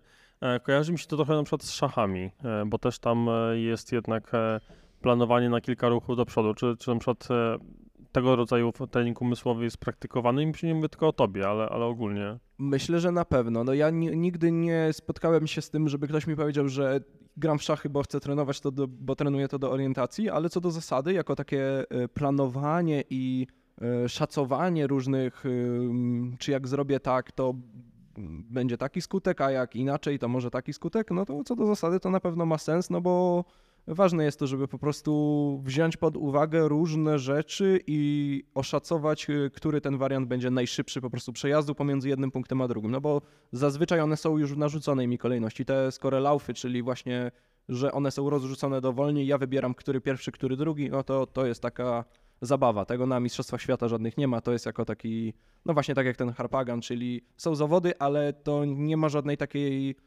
nie ma żadnej struktury międzynarodowej, takie coś. A jakieś takie elementy, które no nie są dla nas oczywiste, ale dla ciebie są elementem twojego treningu, bo przypomina mi się, już nie pamiętam, czy to nie było kiedyś u Kuby Wojewódzkiego w programie, jak był mm, Kajetan Kajetanowicz, który pokazywał jakiś element treningu, chyba siedział na piłce i żonglował. I to nie jest oczywiste dla nas, tak? Bo wydaje nam się, że taki Kajetanowicz zakłada kask, siada za kierownicą swojej rajdówki i jeździ. Czy coś takiego jest w Twojej dyscyplinie, w Twoim treningu? No właśnie do niedawna, póki nie było tego systemu bezdotykowego, no to elementem treningu było potwierdzanie punktów w stójce, no bo chodziło o to, żeby nie wypiąć nogi, a trafić sobie chipem, który mam na palcu, no który jest grubości palca, powiedzmy, do dziurki, która jest no, razy półtora palca albo tego kciuka. Więc y, no, chodziło o to, żeby stanąć na rowerze, podbić to i pojechać dalej. A trzeba tam było przytrzymać ten, tego chipa, no nie wiem, pół sekundy, sekundę, więc y, wymagało to pewnych umiejętności. No ale od kiedy jest system bezdotykowy, no to takiego aż treningu nie ma. Szczerze mówiąc, tak musiałbym nad tym pomyśleć. W tym momencie nie przychodzi mi nic do mhm. głowy takiego nieoczywistego. A takie podparcie, jak wspomniałeś, to się wiązało z jakąś karą czasową? Nie, nie, nie, po prostu strata, czasu. czasu. Strata, strata czasu. czasu. Strata czasu. Czyli tak jak kara czasowa. Wspomniane przez ciebie żonglowanie piłeczką skojarzyło mi się, wydaje mi się, z narciarstwem albo jakąś dyscypliną zjazdową zimową na pewno. E, że e, przy okazji jakichś zawodów, które oglądałem rok temu, właśnie wielu zawodników właśnie e, rzucało piłeczką, żonglowało sobie, żeby skupić głowę na jednej czynności, żeby, żeby nie, nie stresować się przejazdem, tylko właśnie skupić się na jakiejś czynności, oderwać się w ogóle od, od stresu tuż przed samym startem przejazdem. To jest ważne niestety w orientacji, myślę, że ważniejsze niż w takim cross country, dlatego że no niestety z uwagi na budowę tego, że Mm, no nie możemy znać trasy wcześniej, bo na tym polega cała trudność, no to, a często bardzo są relacje live z tych zawodów, po prostu, czy to jakiegoś rodzaju transmisja, czy chociaż te GPS-y live, no to niestety oni, oni, jest to tak rozwiązywane, że w momencie minuty zero bardzo często zawodnicy muszą być przed startem w kwarantannie. To znaczy mhm. po prostu w terenie, gdzie my nie możemy używać telefonów i no czekamy na swój start. No ale jeżeli to jest powiedzmy ten długi dystans i interwał jest co 3 minuty, no to ja na przykład teraz czekałem, no nie wiem, z 2,5 godziny od momentu, kiedy ta kwarantanna się zamknęła. No tak, to czymś trzeba ten czas wypełnić. Coś muszę robić, tak? No właśnie tu krzyżówki czy tego typu rzeczy są dobre, no ale no ale coś trzeba robić, tak? A właśnie no nie mam tego telefonu, więc też muzyki sobie nie posłucham, nie wiem, takich coś, co się samo nam narzuca, że no nie wiem, obejrzy sobie człowiek serial, coś na czym może nie będzie się bardzo skupiał, ale jednak y, zawiera tę uwagę, no to dużo rzeczy odpada, więc y, trzeba sobie opracować takie sposoby, żeby nie myśleć o tym nadchodzącym starcie cały czas, bo to nas tylko zmęczy, a nie zmotywuje. A ta kolejność, która spowodowała, że czekałeś aż 2,5 godziny, to wynikało z losowania, czy jest jakiś ranking, e, który decyduje o, o, o kolejności startów? E, generalnie, no kto jeździ ostatni, ten ma zazwyczaj najlepiej, e, bo po prostu ma już na takich drogach, które są słabej bardzo jakości, to już ma trochę je wyjeżdżone, więc nawet nie chodzi o to, że po tej drodze się jeździ lepiej, bo to zazwyczaj nie ma znaczenia, tylko chodzi o to, że czasem jest w stanie się upewnić, że to jest dobrze, ja jadę, bo to już jest wyjeżdżone, albo mhm. coś jest nie tak, bo jadę drogą, która na mapie, jakby według tego, jak sobie zakładałem, raczej wszyscy powinni tamtędy jechać, albo dużo ludzi, a tutaj nikt nie jechał prawie, nikt nie połamane pokrzywy czy coś takiego. Yy, I generalnie. Mm, to jakaś sprawność tropiciela jeszcze tu się przydała. No, to jest takie, wiesz, no, na pierwszy rzut oka, tak? Nie, no, yy, że coś po prostu, ktoś tu jeździł, bo to tych zawodników nie jeden przejedzie, tylko 50 albo 100, no bo przecież są różne kategorie jeszcze, a tak. trasy są zbudowane na tych samych punktach. Więc generalnie jest tak, że jest, istnieje coś takiego jak Red Group i Orange Group. Yy, ludzie, którzy są w pierwszej 15 rankingu Pucharu Świata są rozlosowywani w obrębie swojej piętnastki i startują na końcu. Orange Group działa tak samo, tylko no, miejsca od 15 do 30 do końca, a reszta jest losowana. Mhm.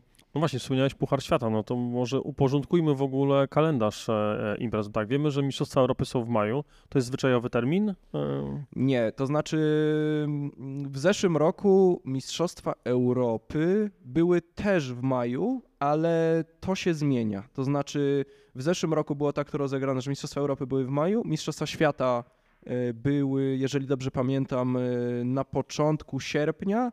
No i potem niestety to jest dziwnie rozwiązane, tak, że od, w momencie wprowadzenia kategorii U23 oni stwierdzili, znaczy IOF, International Orienteering Federation, że fajnie by było wprowadzić Mistrzostwa Świata U23 nie w trakcie normalnych mistrzostw, tylko w trakcie y, ostatniej rundy Pucharu Świata. No bo i tak zjadą się wszyscy, no to y, po prostu przefiltrujemy tych ludzi z U23 z elity i damy im wtedy medale, bo, a zawody się fajniej nazywają i w ogóle. No i w tym roku to jest tak rozwiązane, że w maju są y, Mistrzostwa Europy, w lipcu na początku, jeżeli dobrze pamiętam, są Mistrzostwa Świata U23 i na początku września we w Bułgarii są e, Mistrzostwa Świata normalne, więc to jest pierwszy raz ja się spotykam, żeby Mistrzostwa Świata były tak późno. Okej, okay. a Puchary Świata? Ile jest rund? E, I, Te trzy, czyli jakby Mistrzostwa Świata mm, no, liczą się do Pucharu Świata, jest ta jedna dodatkowa runda i Mistrzostwa Europy i to są jakby trzy Puchary Świata. Wiadomo, że one trwają dłużej, no bo to nie jest jeden wyścig jak w cross country, tylko no na Mistrzostwach Świata jest pięć wyścigów, bo jeszcze są sztafety. Mhm. Yy, więc to się wszystko liczy. No i tak to wiadomo, no są yy, różnego rodzaju rangi zawodów, tak? Yy, tak samo jak UCIC 1 i tak dalej, to tu to działa tak samo. To chcąc tak spojrzeć całościowo na twój ubiegły sezon, ile było wyścigów na orientację, ile było maratonów, ile cross country? A może też jakąś imprezę biegową na orientację zaliczyłeś? Y, biegałem w zimie, y, bo po prostu no, nie ma za bardzo zawodów rowerowych, a fajnie jest mieć taki kontakt z mapą, a poza tym lubię biegać, więc, y, mhm. y, więc trochę biegałem w zimie. Przepraszam, przerwę tego biegania. Gdzie się wtedy trzyma mapę? Jest jakiś mapownik ręczny? Nie, w ręku po prostu. Ona jest y, nie zalaminowana, no tylko w takiej folijce anty, antywodnej. No tak, tak, tak. I po prostu ją biegnę z mapą Ale to jest taka dobra. sama wielkość mapy, jak ta, którą przyniosłeś, tak? Czy jakaś trochę zmieni... Zazwyczaj A4. Zminiaturyzowana. O, trudne słowo. O, tak. Nie, zazwyczaj to jest Aha. E, A4 po prostu format. E, chociaż to wiadomo, zależy tam, no nie wiem, jak e, byłby jakiś długi dystans bardzo, no to pewnie dadzą większą mapę. Jasne. Po prostu większej no jeżeli chodzi o zawody, to właśnie nie liczyłem tego. Mm, chciałem tak jakiś czas temu zrobić sobie takie podsumowanie i może to dzisiaj się jeszcze uda zrobić, żeby policzyć dokładnie. No ale tak szacując, no to myślę, że 30% to były zawody cross country, z 10% to były maratony, no kilka tych zawodów biegowych, ale ja tego bym nie traktował tak jak takie zawody, no bo to było w zimie w ramach mhm. takiego treningu trochę po prostu. No a reszta to orientacja, czyli te powiedzmy 60, może 70% to była orientacja. Nieźle. Nieźle, nieźle, rzeczywiście. A jak jest z tymi formatami? Sprint e, średni, długi.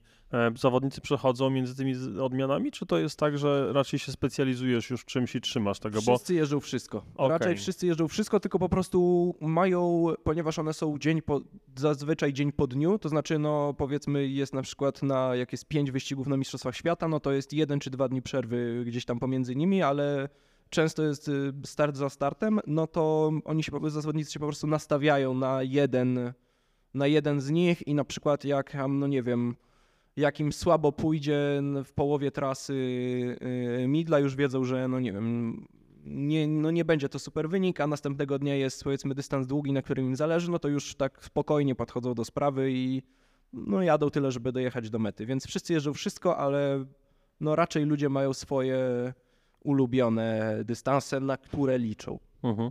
E, czy to, że e, masz na swoim koncie i tytuł Mistrza Świata, i medale e, Mistrzostw Świata, powoduje to, że jesteś na, u siebie na uczelni jakoś wyróżniony?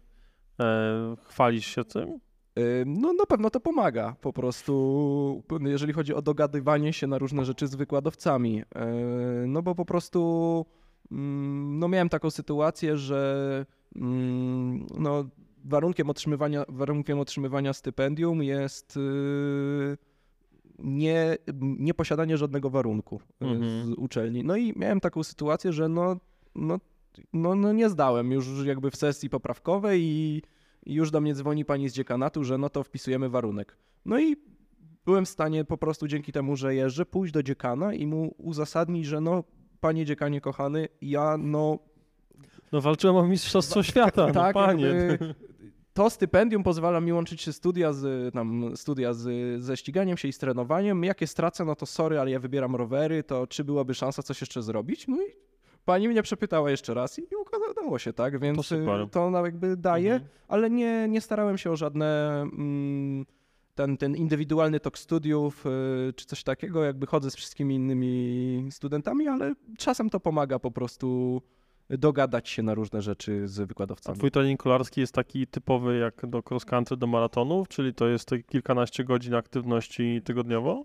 Tak, dosyć to jest podobne. Jedyne, jeżeli chodzi o mm, taki, jak mi się wydaje, y, to jest to, że ja trochę więcej robię y, ćwiczeń na progu, bo po prostu bardzo dużo się jeździ na progu albo trochę powyżej jego, więc y, no dużo robię tych, tych na progu, ale tak to, to jest to bardzo zbliżone. A powiedziałeś wcześniej o tym wsparciu mm, związku, dzięki któremu e, mogłeś kupić rower górski, rower szosowy. Pochwal się, co to za sprzęt. Okej, no y, jeżeli chodzi o szosówkę, no to mm, no, ponieważ pracuję w sklepie, który handluje trekiem, y, no to po prostu miałem bardzo dobre warunki na treka i kupiłem sobie Emondę SL5. y, A jeżeli chodzi o rower górski, no to jest to na ramię y, no chińskiej. Mhm. Y, Po prostu złożyłem sobie rower y, no tam na no to już różnorodne są rzeczy tam E, To jest full, em, z przodu seed, z tyłu tam ta e, napęd, no to mam akurat w tym momencie e, Shimano XTK. Nie kupiłbym drugi raz tej ramy, bo się trochę dużo psuje. A to jest rama. Która to jest? Carbonda? Carbonda? Carbonda. Generalnie powiem tak, ona bardzo fajnie się jeździ na tym rowerze, to znaczy on ma fajną geometrię, bardzo dobrze mi się na nim jeździ, tylko że on się jakby za dużo ma rzeczy takich, które nie powinny się zepsuć, a się zepsuły, takich wkurzających w stylu, no teraz mi się na przykład, y, tutaj już Marcinowi mówiłem przed, y, przed nagraniem, że mi się y, pękła ośka od zawieszenia.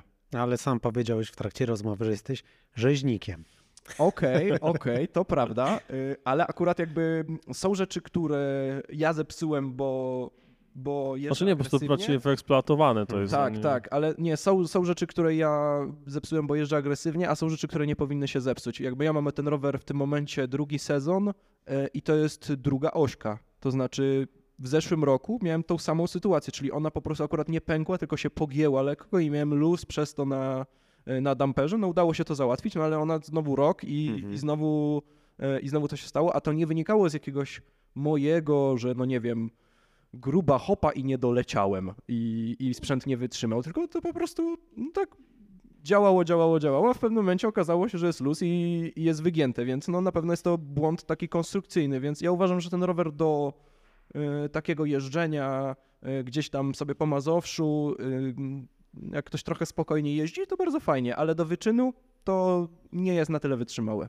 Znaczy w kolarstwie górskim na orientację jest tak samo jak w kolarstwie górskim w cross country, że większość zawodników właśnie wybiera rowery z pełnym zawieszeniem? Tak, chociaż wynika to moim zdaniem trochę z czego innego niż na powiedzmy tym cross country, dlatego że często większość dróg, po których my jeździmy, to paradoksalnie są bardzo dobre drogi. W sensie, no bo często sobie wybiorę, że objadę szutrem albo jakimś tam asfaltem zamiast yy, tułać się kamienistą drogą, ale czasem wjeżdża się w tak fatalne drogi, w które nigdy by nie wjechał żaden inny wyścig, które po prostu są zryte przez dziki, gdzieś tam leżą gałęzie, yy, nie wiem, yy, błoto po ośki. Czyli nie ma tak, rzeczy. że organizator przed wypuszczeniem zawodników, przed zawodami jakoś to uprząta, przygotowuje. Znaczy, jest tak jak las to pozostawia. Zdarzają się takie sytuacje, Mhm. ale ym, to jest pojedyncze, że tam organizator coś posprzątał, albo to są jakiś mały fragment. Jednak bardzo często musiałby posprzątać, no nie wiem, 100 kilometrów dróg na przykład, żeby to bardzo trudne do zrobienia. Yy, Więc yy, no często po prostu jeździ się po drogach, które są fatalnej jakości, albo w ogóle poza trasą, tak? Bo w Polsce można jeździć y, poza ścieżkami, więc no ja nie ukrywam często, jeżeli jest taki przebieżny las, no to na przykład na Mazowszu, gdzie no po prostu jeździ się po mchu i nie ma za bardzo gałęzi leżących y, czy coś takiego, no to mi się zdarza no powiedzmy na 30-kilometrowej trasie, jeżeli budowniczy tak to ułoży, to i 10 razy zjeżdżać ze ścieżki, żeby gdzieś tam sobie Po przeciąć. Na azymut wtedy, Tak nie? jest. Okej, okej. Ale to, czy można to robić, to już zależy od kraju. Bo okej. y, na przykład, no nie wiem, w Austrii czy we Francji to w ogóle nie można jeździć poza ścieżkami, co akurat z perspektywy, no rozumiem, że takie są przepisy, ale z perspektywy orientacji to jest słabe, bo powoduje pewne niejasności. To znaczy, Co już jest ścieżką, a co jest przedeptem i to jest pierwsza rzecz, to jest no. pierwsza rzecz. Generalnie zasada tutaj jest akurat, że ważne jest to, co jest na mapie, y, więc y, mm, no, jesteśmy w stanie to wyjaśniać, ale po prostu powoduje pewne niejasności, że tak, jeżeli zawodnicy nie mają GPS-a, no to czasem ktoś zrobi tak, że na przykład droga mu się ślepo kończy, tak, no i dojedzie do końca, no i w momencie jakby zgodnie z zasadami, no to powinien, powinien wrócić dookoła i stracić, no nie wiem, 5 minut, a on na przykład widzi kolejną, ja ostatnio miałem taką sytuację, widzę kolejną drogę, gdzie, do której dąży, mam do niej 50 metrów, no ale muszę się wrócić strasznie dookoła. No więc jeżeli nie można jeździć po lesie, to nie ma problemu, jadę. Ale jeżeli nie można, no to powodują się, zdarzają się, takie sytuacje, że no, ktoś ściął i jest badana sprawa, czy on jeździł po tym lesie, czy nie, czy... a to czasem można całkiem dużo na tym zyskać. To znaczy Mhm. była taka sytuacja kiedyś, że mm, w juniorach pamiętam, była taka sytuacja, że były mistrzostwa właśnie w Austrii i Fin no na pewno ściął w jednym miejscu, nie jechał po drodze, bo po prostu wykręcił czas, który był niemożliwy do zrobienia na takim przejeździe. To znaczy wszyscy mieli powiedzmy półtorej minuty pomiędzy punktami, a on jeździł 55 sekund. A to był segment taki zjazdowy po Mhm. prostu, więc yy, no robiło się faktycznie takiego, taki dziubek, więc yy, no wszyscy wiedzieli, że on y, ściął, no ale nie było na to takich bezpośrednich dowodów, no bo nikt go ani nie widział w tym lesie, ani nie miał GPS-a, Mhm. y, więc y, no finalnie i to dos- doszło do tego stopnia, że Francuz przez to Fin wygrał Mistrzostwo chyba świata w juniorach i Francuz, który był drugi, no przez to go nie wygrał, bo właśnie tam była różnica pomiędzy nimi kilkunastu sekund, czyli no tyle, ile ten Fin w ten sposób zyskał. Mhm. No i Fin chyba najpierw się nie chciał przyznać, ale pod koniec mistrzostw chyba nie wytrzymał psychicznie, bo wszyscy wiedzieli, że. ten- Przycisnęli i- go. I przyznał się i oddał medal. A, To czyli, chociaż- czyli tyle, Więc tyle dobrego. jest happy Mhm. end, no Happy ale prowadzi to do niejasności. Oczywiście. A powiedz mi, e, jeśli chodzi o medialność e, dyscypliny, e, jak to wygląda? Czy to jest tylko impreza dla startujących i znajomych rodziny, czy, czy gdzieś tam są kibice? Jak mówisz, na przykład chociażby są te transmisje, czy cho- chociażby GPS-owe, czy to śledzi trochę ludzi, czy, czy masz, masz czy, czy, Pols- czy w Polsce są kibice MTBO? W Polsce nie za bardzo, my- no chyba, że wiadomo, znajomi i rodzina, Mhm. e, ale w, gdzieś I słuchacze podcastu teraz? o, mam nadzieję. E, A międzynarodowo to zdarza się, to znaczy na przykład e, teraz w zeszłym roku Mistrzostwa Świata były w Czechach, oni to bardzo fajnie zorganizowali. No i e, transmisja ze sprintu, czyli no taka najciekawsza, można by powiedzieć, i taka najszybsza, najwięcej się dzieje, no to leciała e, no, czeskiej telewizji, tak jak na jedynce. No, Cze- E, Czesi, Czesi mają to do siebie, że oni e, wpuszczają sport do tej sportowej, do swojej telewizji bardzo często. Tak, tak. A to był jeszcze jakiś taki dobra godzina, bo to było, no nie wiem, o 12 w niedzielę, czy coś Mhm. takiego, więc yy, U nas mszę pokażą. Anioł pański. A to było do 15 października, nie wiem jak teraz. więc, więc zdarza się, ale no niestety jest tak, że trochę trudno jest pokazać orientację w telewizji. To znaczy, Oczywiście, to, to jest oczywiście wyzwanie. Z drugiej strony, no dzisiaj technologie też zmieniają się. Już w tej chwili nawet na zawodach, e, czy cross country, czy przełajowych mamy drony, które latają nad zawodnikami. Już nie potrzeba śmigłowca, więc no to się zmienia. Tak, tak, ale to nawet nie chodzi o ym, możliwości techniczne, bo drona to my sobie możemy wziąć i możemy akurat na orientację, przez to, że nie ma tego otaśmowania trasy i tak dalej, to y, były takie rozwiązania często, że jeździli goście na elektrykach. Mhm. po prostu za zawodnikiem, y, gdzieś tam z GoPro i tam jest chyba taka opcja, że można na żywo, tak, no to na żywo takie, takie mieliśmy relacje z maratonów MTB chociażby w Polsce. No właśnie, no i to się da robić pod tym względem. Chodzi o inną rzecz, to znaczy do, dla osoby, która nie zna na dyscypliny i nie zna, nie ma pewnej tej wiedzy, czyli na przykład nie zna symbolów na mapie i ym, no nie wie nic o dyscyplinie, to to jest cie- nieciekawe do oglądania. Dlatego, że tak, nie ma bezpośredniej rywalizacji, no bo każdy zawodnik jedzie sobie sam, no to okej, no pokażą nam tam na jakimś międzyczasie, że Mhm. ten traci do tego 10 sekund. Ale no nie jest to takie super ciekawe do oglądania. Organizatorzy robią tak, że robią, nakładają GPS-a gościa, z którym on tak jakby ma podobny czas i robią taka ala bezpośrednią walkę. Mimo, że tamten jechał 20 minut wcześniej, Mhm. a ten jedzie teraz, no to nakładają i ślady i można sobie oglądać, czy ten tu Taki troszkę, taki trochę flyby jest od strawy. tak, nie? dokładnie. To na tej zasadzie, na tej zasadzie, więc da się to robić, ale tak, to, to do oglądania, no to, to nie jest to niestety bardzo ciekawe, bo po prostu też te rzeczy, które wszystkich emocjonują, czyli różne, którzy znają temat, czyli jak to wybrał wariant i tak dalej, no to dla człowieka, który nic nie wie, są nieciekawe, no bo włącz, włączymy sobie powiedzmy skoki do wody. Ja nic nie wiem o skokach do wody, Mhm. ale fajnie robią salta, tak? I mogę sobie to pooglądać. To jest przez 15 widowiskowe w jakiś sposób. tak, mogę sobie to pooglądać przez tam ki- kilkanaście minut i będę miał z tego dobrą zabawę. A tutaj, poza tym, że się poruszają jakieś kropeczki na mapie i gość jedzie na rowerze, to ja nic nie wiem. No tak, to jest też problem wielu, wielu dyscyplin tak naprawdę, że jeśli e, nie są one widowiskowe, nie potrafią przykuć e, uwagi, no to osoba, która leci po kanałach, spojrzy i poleci dalej, nie? No bo jacyś goście po lesie jeżdżą, nawet nie po drodze, tylko każdy w inną stronę, nie? No tak, plus tu trzeba chyba rozumieć, na czym polega ta dyscyplina, bo to trochę tak jak ja bym, nie wiem, zasiadł do oglądania futbolu amerykańskiego. No fajnie, rzucają tą jajowatą piłką, ale nie za bardzo znam zasady, więc raczej bym przełączył dalej. Albo poszedłbym na rower. Ale wracając do, tego, do, tego, do tej medialności e, w kontekście, nie wiem, sponsorów, e, bo rozumiem, wsparcie ministerstwa, no to jest jakby inna, inna mm, strona medalu. Ale jeśli chodzi o wsparcie sponsorów, o, o, jakieś tego typu rzeczy, mm, tutaj ma, ma to miejsce, czy raczej e, to jest na tyle niszowy sport, że raczej musicie bazować na swoich środkach i, i środkach ministerialnych? Znaczy wiadomo, że to jest pewna podstawa, no ale zdarzają się sponsorzy, no akurat tutaj nam się bardzo fajnie, że tak powiem, trafiło trochę, bo mm, jest głównym sponsorem Polskiego Związku Orientacji Sportowej i IOF-u, czyli International Orienteering Federation, jest firma e, CX80.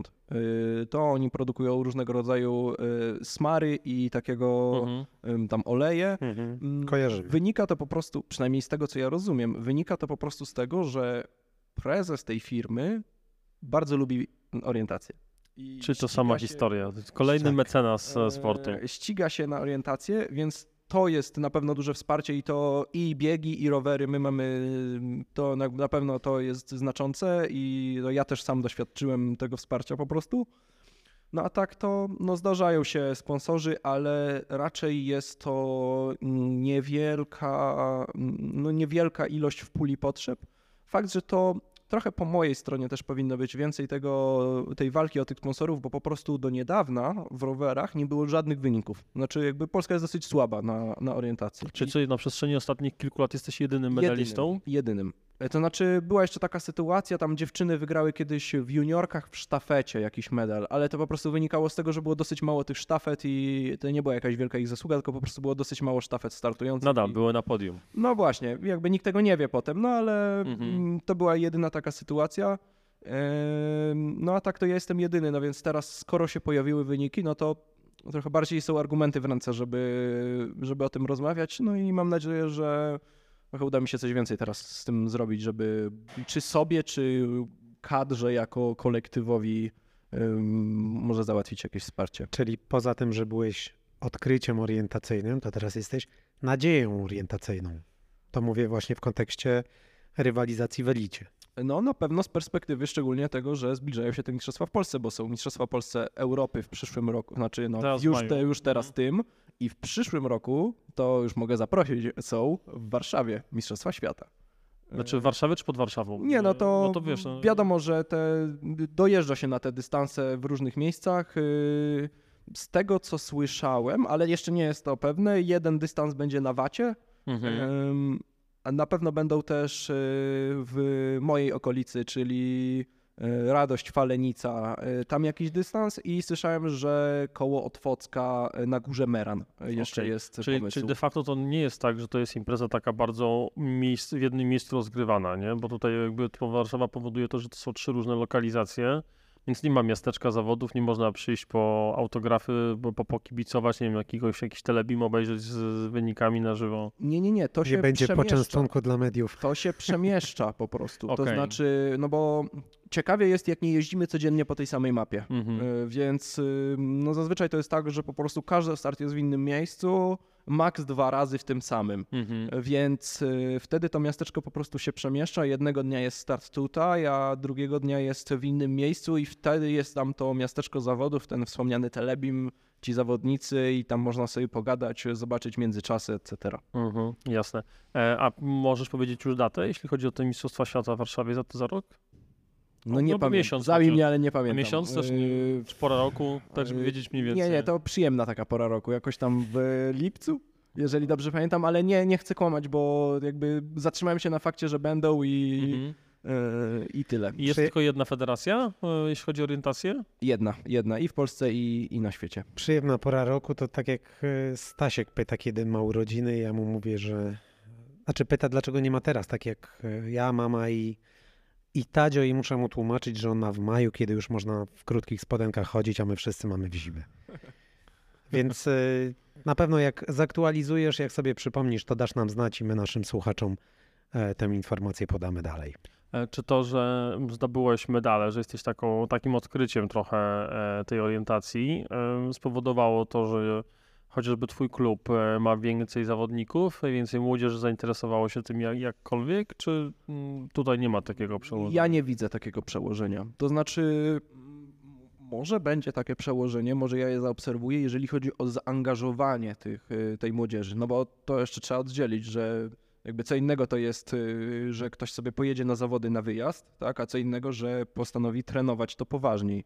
Y, Więc y, może to coś zmieni, bo może to im taki przykład im pokaże, że da się, y, da się coś, no da się coś tu osiągnąć. No właśnie, a jak byś zachęcił młodzież, dzieciaki, żeby właśnie spróbowały w tym?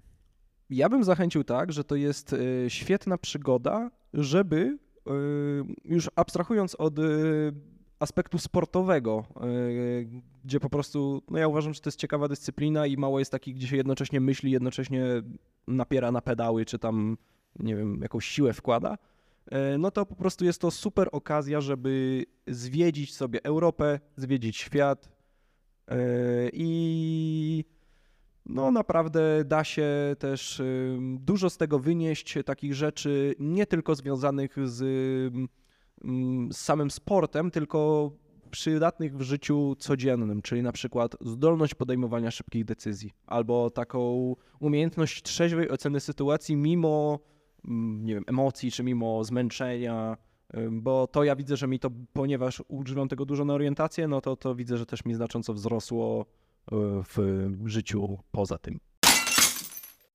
Zapraszamy do reklamy. Partnerem podcastu jest Costa Blanca Cycling, zapewniająca najlepsze kolarskie doznania w Kalpę. Wypożyczalnia rowerów, zakwaterowanie i najlepsze hiszpańskie trasy na wyciągnięcie ręki. Wejdź na www.costablanca.cc i daj znać, kiedy przyjeżdżasz. To była reklama. Czyli tak jak wcześniej mówiłem o tych e, rozwiązywaniach łamigłówek, krzyżówkach i tak dalej, i tak dalej, tak teraz też można by dodać do osób, które mogłyby się sprawdzić w twojej dyscyplinie, osoby, które miały do czynienia na przykład z harcerstwem, z różnego rodzaju survivalem. O tak, no może z tym survivalem to mniej, ale Mhm. harcerstwo ma pewne elementy zdecydowanie mm, takie, które się przydają w orientacji i stawia na naukę też ich, więc mamy pewną bazę, yy, mamy pewną bazę do nawigacji w terenie, ale tak naprawdę to każdy, kto, żeby dojść z punktu A do B, nie musi sobie koniecznie odpalić Google Maps y, w mieście, w którym mieszka. A łatwo jest nauczyć takiego żółtodzioba tej nawigacji? Powiedzmy, mamy kogoś, kto potrafi jeździć na rowerze, chce do was przyjść, chce się tego nauczyć, ale nigdy nie miał do czynienia z mapą, no bo mamy XXI wiek, y, Google Maps, nawigację.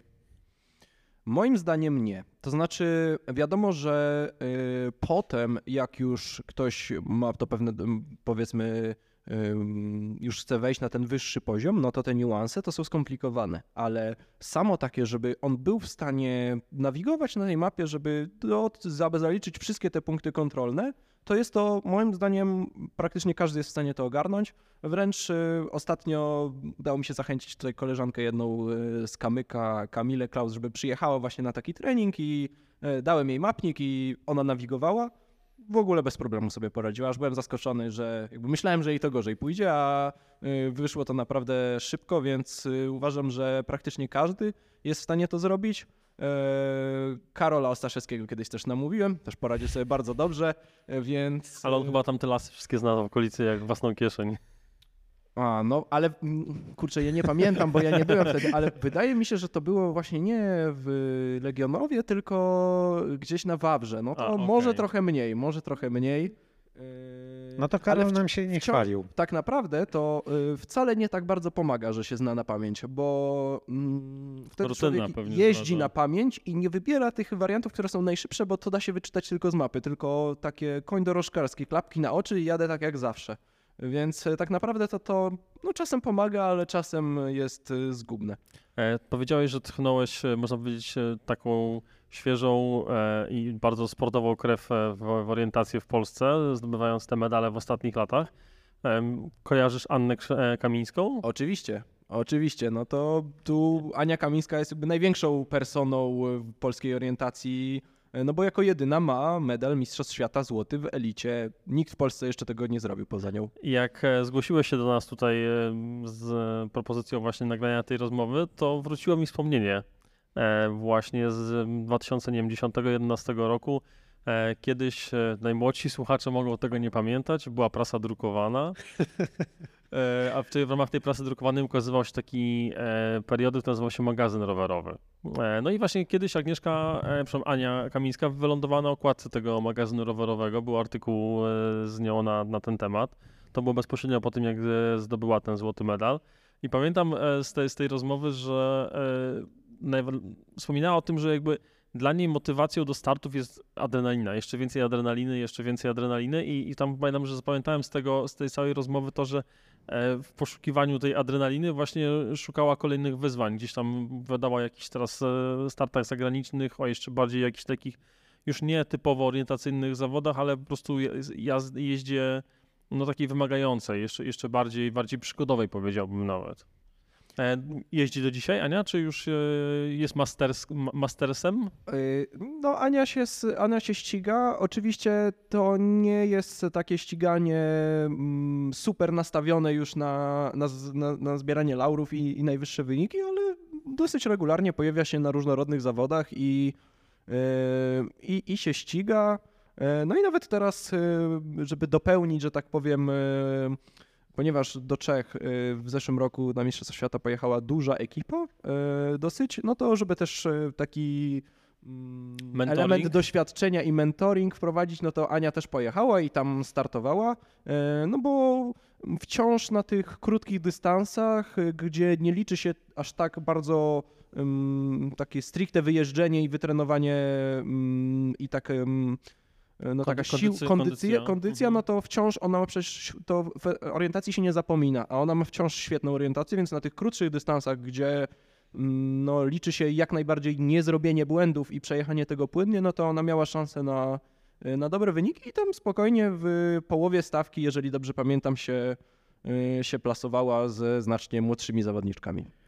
No teraz mieliśmy Mistrzostwa Świata w kolarstwie przełajowym Mastersów, które się odbyły w Hamburgu i tam chyba jedną z najstarszych, znaczy na pewno jedną z najstarszych, nie wiem czy nie najstarszą kategorią było chyba 80-84. Tak, tak, 80 plus na pewno. Tak. y, I pytanie, jak to wygląda właśnie w Twojej dyscyplinie?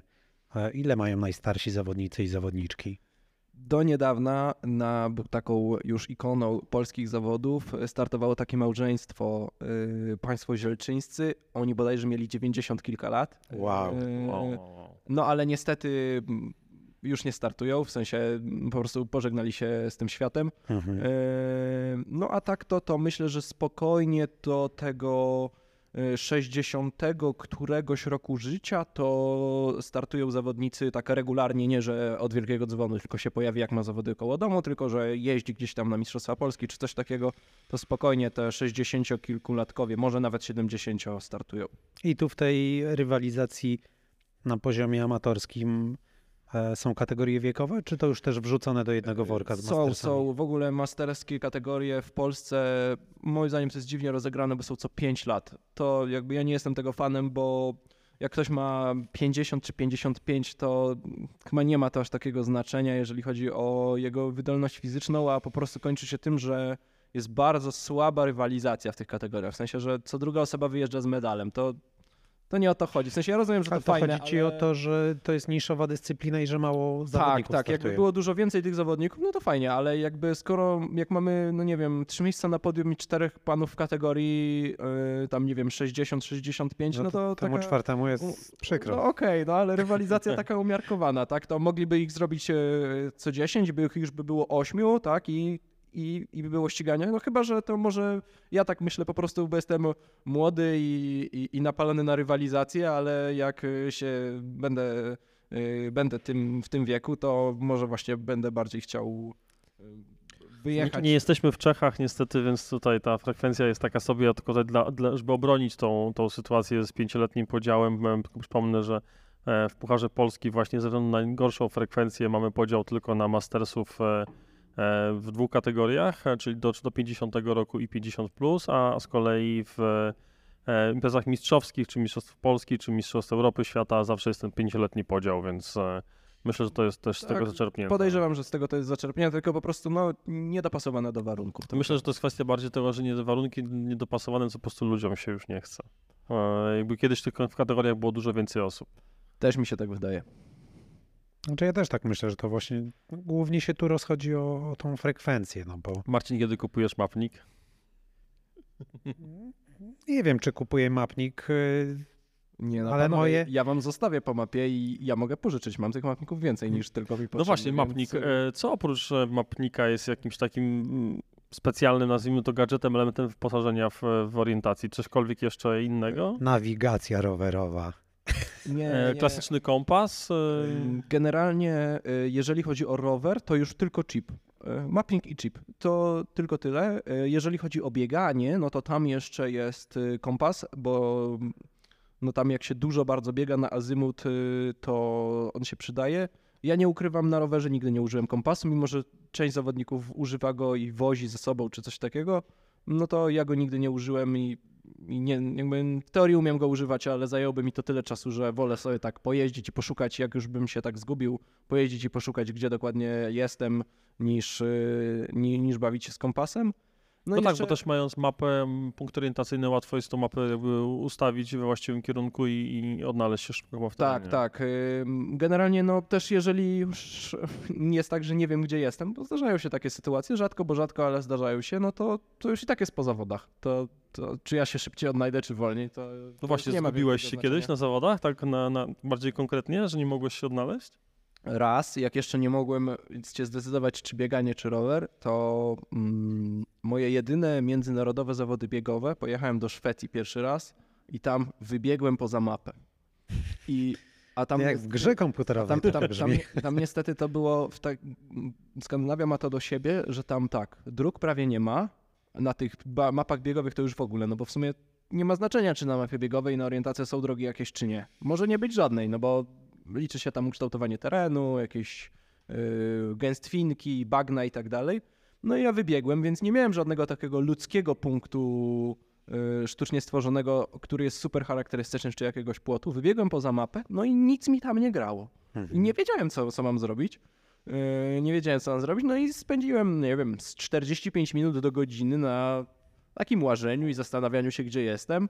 Dobrze, że ten zmysł orientacji w pewnym momencie mi powiedział, dobra Bartek, po prostu wróć tak, jak mniej więcej przyszedłeś i jak tak mniej więcej wracałem, to w pewnym momencie dotarłem do jakiegoś tam jednego z dwóch budynków na mapie. Yy, I wtedy już się udało, no ale z godzinę tam spędziłem po prostu poza mapą. A zdarza się tak, że mapa jest po prostu źle narysowana? No zdarzają się niestety takie sytuacje i to, mm, to jest duży problem orientacji. Czyli, no bo To, to jest błąd ludzki z reguły, prawda? Y, No tak, to zazwyczaj jest błąd ludzki. mm, No i to niestety mocno wypacza czasem wyniki zawodów, bo jakby wszyscy się ścigają, tak? To jest tak jakby zerwać strzałkę na maratonie, na zakręcie. No jakby jeden nieduży błąd, no bo tu nie ma jednej strzałki, bardzo dużo czasem psuje y, całych przygotowań do zawodów, całej tej otoczki, tego zadowolenia ludzi, y, sprawiedliwości wyników i tak dalej. I niestety z mapą jest tak samo. Mm, Wręcz to jest pewien problem, że no na mistrzostwach y, świata czy Europy raczej nie za bardzo są, takie, są jakieś błędy, albo są takie bardzo drobne, że to jest pomijalne, yy, bo to nie ma map praktycznie idealnych. Znaczy, no nie ma, bo to nie jak coś y, człowiek tworzący mapę zaznaczył, to jest jego interpretacja terenu, ale ja jadąc z poziomu roweru mogę coś inaczej odczuć i wydaje mi się, że mapa jest zła, tak? No ale to niestety jest y, problem taki, że często w Polsce zdarza się, że jeździ się na trochę nieaktualnej mapie, której główne punkty się wszystkie zgadzają, ale w niektórych miejscach coś tam, jakaś now- nowa droga powstała, a tu płot postawili poprzez jakąś przecinkę. E, No i czasem niestety nauczonym tym nawykiem, że a, to nie ja się pomyliłem, to pewnie mapa jest zła, no to na mistrzostwach gdzieś, gdzie mapa nie jest zła, tylko to ja się pomyliłem, to ja sobie tak pomyślę i zamiast od razu się na przykład wycofać z drogi, no to brnę w to dalej, bo myślę, że to jest błąd y, człowieka tworzącego mapę. A możesz coś właśnie o tym powiedzieć, e, jak się taką mapę przygotowuje? Generalnie ja nie mam, nie umiem tego robić, e, Mhm. nie mam e, kursu e, kartograficznego. Mhm. No to robi się na bazie właśnie lidara, czyli no tego rzutu, rzut, rzutu terenu. Ja nie ukrywam, nie za bardzo się nad tym znam, Okej. więc ciężko mi tu będzie coś rozwinąć. A jak jest, e, mm, jeśli chodzi właśnie o przygotowywanie zawodów, na ile jakby jest e, klauzula tajności, jest jakby, e, jeśli chodzi o mapę, punkty, to jest jakaś specjalna grupa ludzi, która ma do tego, na, do tego dostęp, tak jak trochę, wiesz, no, przecieki przed egzaminem, nie? Troszkę, troszkę, e, jak, jak to jest kontrolowane, że nikt nie ma dostępu do tych danych wcześniej, nie wiem, znajomej w drukarni, kogoś tam, nie wiem, w Xero. No, generalnie mm, zazwyczaj to jest tak. Ja też nie ukrywam, nigdy nie byłem w takim zespole organizacyjnym dużych zawodów. Mhm. Jakby póki jestem w tym wieku, w którym jestem, to się ścigam, a organizować zawody będę mm, w przyszłości. Będziesz działaczem. E, No, zobaczymy, ale pewnie tak się skończy to. E, To podejrzewam, że no dostęp musi mieć kartograf na pewno i em, projektant trasy. I ja myślę, że najlepszym e, takim e, praktyką najlepszą by było, gdyby tylko te dwie osoby miały dostęp. E, Ale no pewnie tak jest, że w tym zespole organizacyjnym jeszcze kilka ma, no nie wiem, jakiś... No ktoś musi te punkty rozstawić też, prawda? Te- no tak, i to w momencie, w momencie rozstawiania punktów, ale to ja mówię tak na etapie przygotowania tego, a w momencie rozstawiania punktów, no to wszyscy ci, co rozstawiają, ale raczej. Mm, raczej ja nie kojarzę takich sytuacji, żeby było podejrzenia, że ktoś poznał mapę wcześniej, y, bo mu, nie wiem, ktoś z organizatorów pokazał, albo może ja nie kojarzę takiej sytuacji, bo nie wpłynęło to aż tak na wynik, bo jednak poza samym opracowaniem wariantów, no to jest jeszcze ten aspekt ich realizacji w terenie. Oczywiście. A powiedz mi, jeśli chodzi właśnie o lokalizację punktów, zdarzyły ci się jakieś nietypowe lokalizacje, które są, nie wiem, trochę może w cudzysłowie przez złośliwość organizatora w jakimś nietypowym miejscu, czy, czy niedostępnym miejscu, albo, albo, mm, nie wiem, okazało się, że w miejscu, gdzie miał być punkt, jest bagno akurat i, i gdzieś tam trzeba brnąć. Znaczy, Były jakieś takie nietypowe lokalizacje? Tak, no zdarzają się sytuacje oczywiście, że ktoś raz na czas ukradnie punkt. One są zazwyczaj przypinane taką linką, no ale ludzie są zdolni, tak? Y, Jeżeli chodzi o orientację tą sportową, no to raczej punkty stawia się no tak, żeby one świeciły dookoła. Po prostu na środku drogi, czy gdzieś tak, y, że je widać. Za to przy tych wspomnianych harpaganach wcześniej i tego typu rajdach na orientację, y, to już bawimy się. Czyli na przykład E, Parę razy kiedyś byłem na takim rajdzie, to punkt stał w takim bunkrze gdzieś tam na koło, to się Łosiowe Błoto nazywa, tam e, Mhm. za Watem. E, Mhm. Tam taki bunkier był Tak. i, i stał punkt w bunkrze. E, Albo były na przykład zawody, mm, o to w Czechach też, ktoś, kto lubił orientację, miał duże pole kukurydzy i wyciął w niej labirynt i postawił tam, zrobił z tego mapę i postawił tam punkty. Więc to bardziej na tej zasadzie są zabawy. Albo na przykład są takie, są raz na czas to głównie biegi, bo to jest łatwiej zorganizować i mniejszą przestrzeń potrzeba, organizowane na, w jakichś budynkach. Yy, no ja na przykład biegałem na Stadionie Narodowym, ale to nie było jakieś yy, niesamowicie Mhm. ciekawe, ale że na przykład jest w budynkach i na mapie mamy rzut czterech pięter. I po prostu mamy, że no nie wiem, pierwszy punkt jest w takim miejscu gdzieś tam na pierwszym piętrze. a Troszeczkę potem- to zahacza o geocaching z kolei tak, prawdopodobnie. troszkę tak, no Mhm. tylko ten aspekt wysiłku fizycznego, no w geocachingu tego nie ma, tak, Mhm. y, tak się szuka, no tylko wiadomo, no tam już te punkty, poza tym, że są ciekawa lokalizacja rozgrywania tych zawodów, jakby pomysł na to, no to one są niepochowane, one są raczej też tymi lampionami pomarańczowymi, więc Mhm. je widać z daleka, no ewentualnie się ustawia inne, stowarzyszone punkty, w sensie ustawiamy po prostu kilka koło siebie i ktoś musi doczytać, czy to jego punkt, czy nie jego. A są na przykład jakieś takie już, mm, już nie profesjonalne, ale jakieś amatorskie imprezy typu na przykład nocne, po zmroku, w, oświet- sztucznym oświetleniu, e, jakieś takie właśnie nietypowe e, Y, rozgrywki? Rowe, rowerowych się nie robi y, w nocy, ale biegowe są normalnie Mistrzostwa Polski nocne. Y, Biegowe i po prostu się biegają z lampami. Mhm. Czołówki jakieś mają, tak? Tak, tak, i to takie mocne. To znaczy, że zazwyczaj akumulator na plecach i taka czołówka, no to mi to się kojarzy jak. Bo ja parę razy biegałem na tych nocnych, to faktycznie bardzo dużo zmienia to, czy mamy dobrą, dobre źródło światła, czy nie, bo no mimo, że ja z takich czołówek, nazwijmy to sklepowych, no to miałem w miarę mocną, no to bardzo mi to utrudniało, że na przykład nie widzę, że biegnę wzdłuż wydmy, która jest 30 metrów ode mnie. A tak, jak mamy taką czołówkę bardzo mocną, no to ja się obrócę i już wiem, że, że Mhm. jakby w, gdzie w przestrzeni się znajduje. No plus punkty nocne yy, do, do biegania nocnego mają odblask, więc yy, często nabiega się nie na ten yy, lampion sam, tylko po prostu na błysk odblasku gdzieś tam, więc jak mamy mocną lampę, no to to nam się odbije na przykład akurat jak nie będzie drzewa jakieś zasłaniało, nie wiem, ze 100 czy 150 metrów. Pod, czyli pod tym względem trochę łatwiej. Tak, tak, więc tu jakby sprzęt pomaga. Ale normalnie, Mistrzostwa Polski i no to jak kiedyś w tym startowałem, zabawa jest przednia, naprawdę. A to jest tak, że to jest osobny tytuł w wersji dziennej i wersji nocnej wtedy, tak? W biegach. Y, Tak mi się wydaje, tylko chyba jest tak, że w wersji dziennej się zdobywa tytuł na dystansie, a w wersji nocnej po prostu się w nocnym biegu na orientację zdobywa, Mhm, jeże- okej. jeżeli dobrze pamiętam, bo to już dawno temu było dosyć, jak ja w tym wystartowałem ostatni raz. A powiedz jeszcze, ja wiem, że my tu o kolarstwie rozmawiamy, czy tu też y, są takie podziały na dystans y, w wersji biegowej? Y, Tak, tak jest. Y, Generalnie te dystanse są e, podobne, w sensie jeżeli chodzi o nazwy, a jeżeli chodzi o czas zwycięzcy, no to ja nie pamiętam tych czasów, e, tych czasów biegowych. Y, Jest jeszcze, na biegowych jest jeszcze ultra long, który nie za bardzo jest rozgrywany w, na rowerze. No i ultra long biegowy to jest no dwadzieścia kilka kilometrów, jak patrzę, jak ci goście biegają na strawie.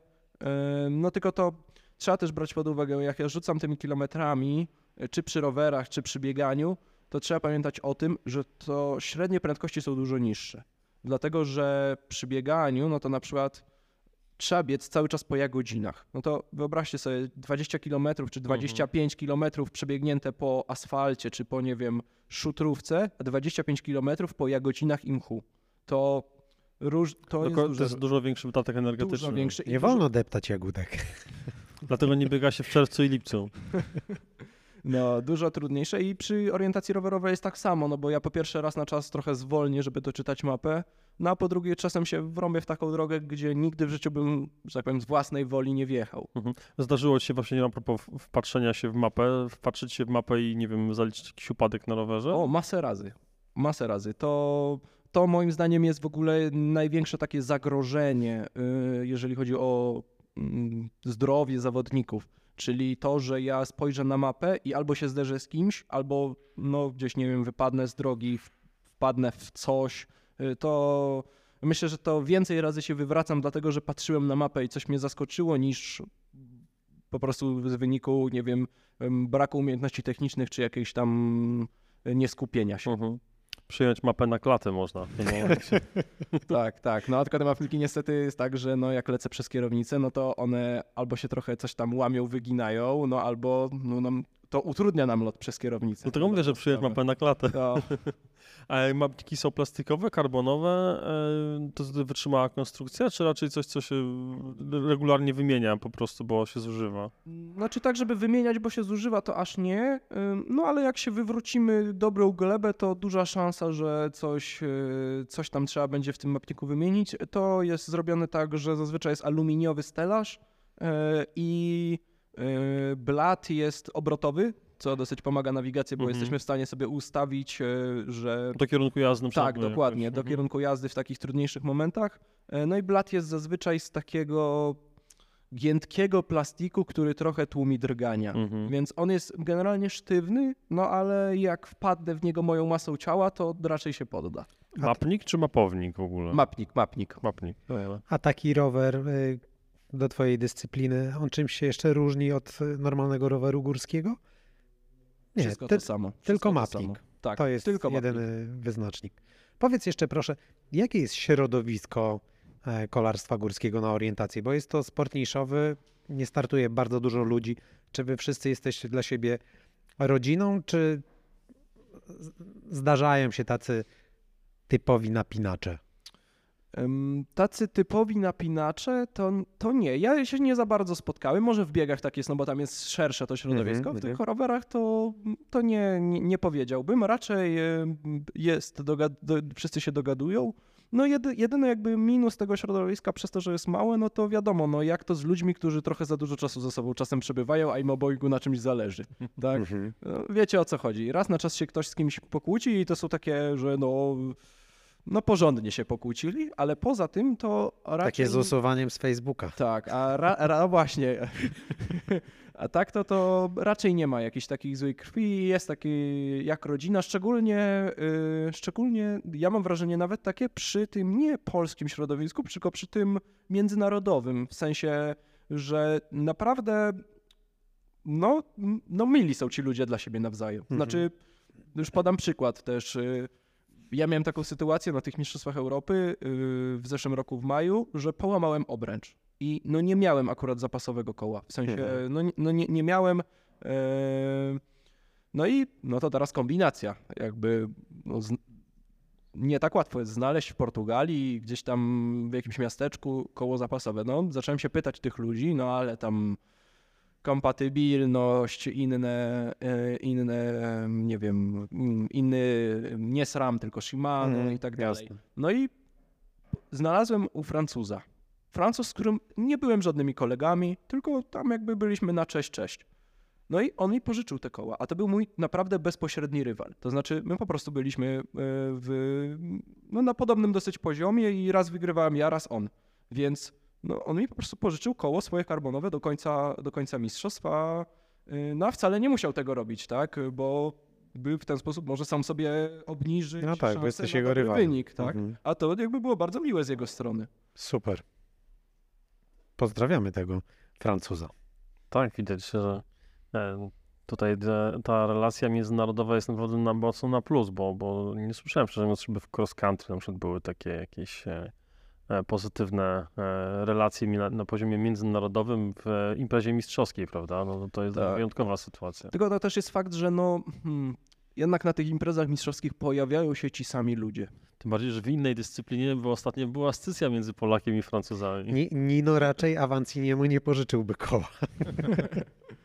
No właśnie. Nie, tu też jest fajnie, że no my się jednak, no jednak ja się znam z tymi ludźmi już, bo po prostu przyjeżdżają e, no w kółko ci sami. Mhm. Znaczy wiadomo, że zmienia się jakoś tam. Kolarstwo górskie, jakby tu jest wpisane w tą orientację, są jakieś takie eksperymenty albo, albo dyskusje w ogóle o tym, żeby robić to w wersji, nie wiem, szosowej, gravelowej, e, jakkolwiek e, wyjść do innych dyscyplin, żeby to, tych rowerów było jeszcze więcej, żeby ludzi bardziej zachęcić? Czy, jeśli nie mówię o, o takim typowym sporcie, ale nie wiem, w amatorskim chociażby, czy są jakieś eksperymenty, tak jak chociażby jest e, e, gravelowy triatlon, na przykład. Mhm. e, To znaczy, to by, to by można było zrobić. Mówiłeś, przepraszam Paweł, o tym w prologu. O, widzisz. No, Uważnie przesłuchałeś. No oczywiście, od deski do deski. Kwity robi, zbiera na wszystkich. Y, Generalnie można by to zrobić i ja szczerze mówiąc nie słyszałem, bo niestety to jest tak, że no najciekawsza jest ta nawigacja w lesie. Jeżeli byśmy mieli nawigować po mieście, no to no, trudno jest wyłączyć ruch w całym mieście. To i tak już organizatorzy stają... Ale i ket na, E. na orientację. No właśnie, no to takie coś by można było, tylko no to za to ciężko do takiej szerszej, do, do szerszego grona bardzo, Nie, tak? To tylko kurierka by Yy, obsłużyło. No właśnie, a z drugiej strony na robienie szosowych gdzieś tam, no nawet na gasach, no to jest tak gigantyczna ilość czasu na zastanowienie się, gdzie mam skręcić i którędy jechać. Ale tam jest cały czas prosto. No, ale jest, choć, W lewo jest Wisła. chodziło mi o to, że jakby jest dosyć duże zagęszczenie dróg asfaltowych. Yy, Aha. No bo gdzieś tam byśmy pojechali, no nie wiem, pod Mińsk Mazowieckie, no to pewnie ich jest mniej jeszcze, tak? Yy, No tak, to, jest tak duża ilość czasu na zastanowienie, że ta orientacja jest taka, robi się taka niepotrzebna, bo już w sumie Mhm. równie dobrze mógłbym korzystać z Garminowych map, no bo co to za różnica, czy ja będę miał ten mapnik, czy No tak, Garmin, tutaj jakby ten element em, poruszania się w terenie e, no jest e, zminimalizowany, bo poruszamy Tak. się drogami asfaltowymi, a one są z reguły te główniejsze. Nie? Bartek, y, ja powrócę jeszcze raz, już chyba trzeci raz do tego miejsca, które jest zlokalizowane koło e, rundy jeziora, bo tam są właśnie te punkty kontrolne.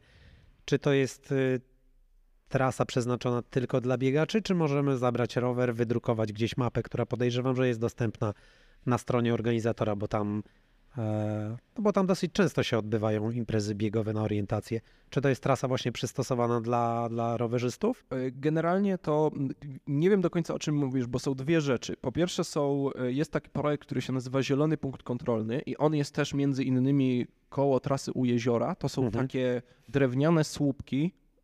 Jest tablica przy tym parkingu koło tego przedszkola.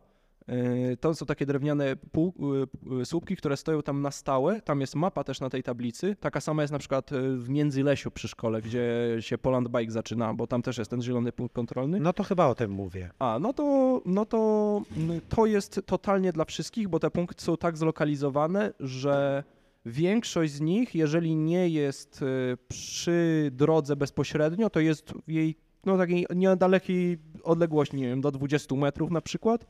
E, No i to jest y, taki ogólnopolski projekt y, promowania tej orientacji. To w bardzo różnych miejscach jest, od Białowieży po Dolny Śląsk. I każdy może sobie wydrukować tą mapę i zaliczyć ją, zaliczyć te punkty, czy to na rowerze, czy biegowo. Wiadomo, że jakby bazowo to jest biegowe, to znaczy jeździmy na mapie biegowej, bo one lekko różnią się detalami, jeżeli chodzi o symbolikę, e, ale większość tych punktów jest tak zlokalizowana, że da się też je zaliczyć na rowerze i każdy może sobie wydrukować e, tę mapę. No a w okolicach tutaj Warszawy tych zielonych punktów kontrolnych myślę, że jest kilkanaście różnych map, więc e, jest czym wybierać na trening i może koło domu też e, któryś ze słuchaczy coś takiego ma i chciałby sobie spróbować. E, No właśnie, jest, jest jakaś taka baza albo strona internetowa, czy na przykład chociażby związku, gdzie te informacje dla osób, które chciałyby spróbować, nawet chociażby w amatorskim wymiarze e, zebrane. Y, No, na stronie związku są te informacje, y, a jak się wpisze w Google zielony punkt kontrolny, to ona ma po prostu swoją stronę, gdzie jest y, baza tych map. To jest tak dosyć przyjaźnie zrobione, że możemy sobie na Google Maps otworzyć po prostu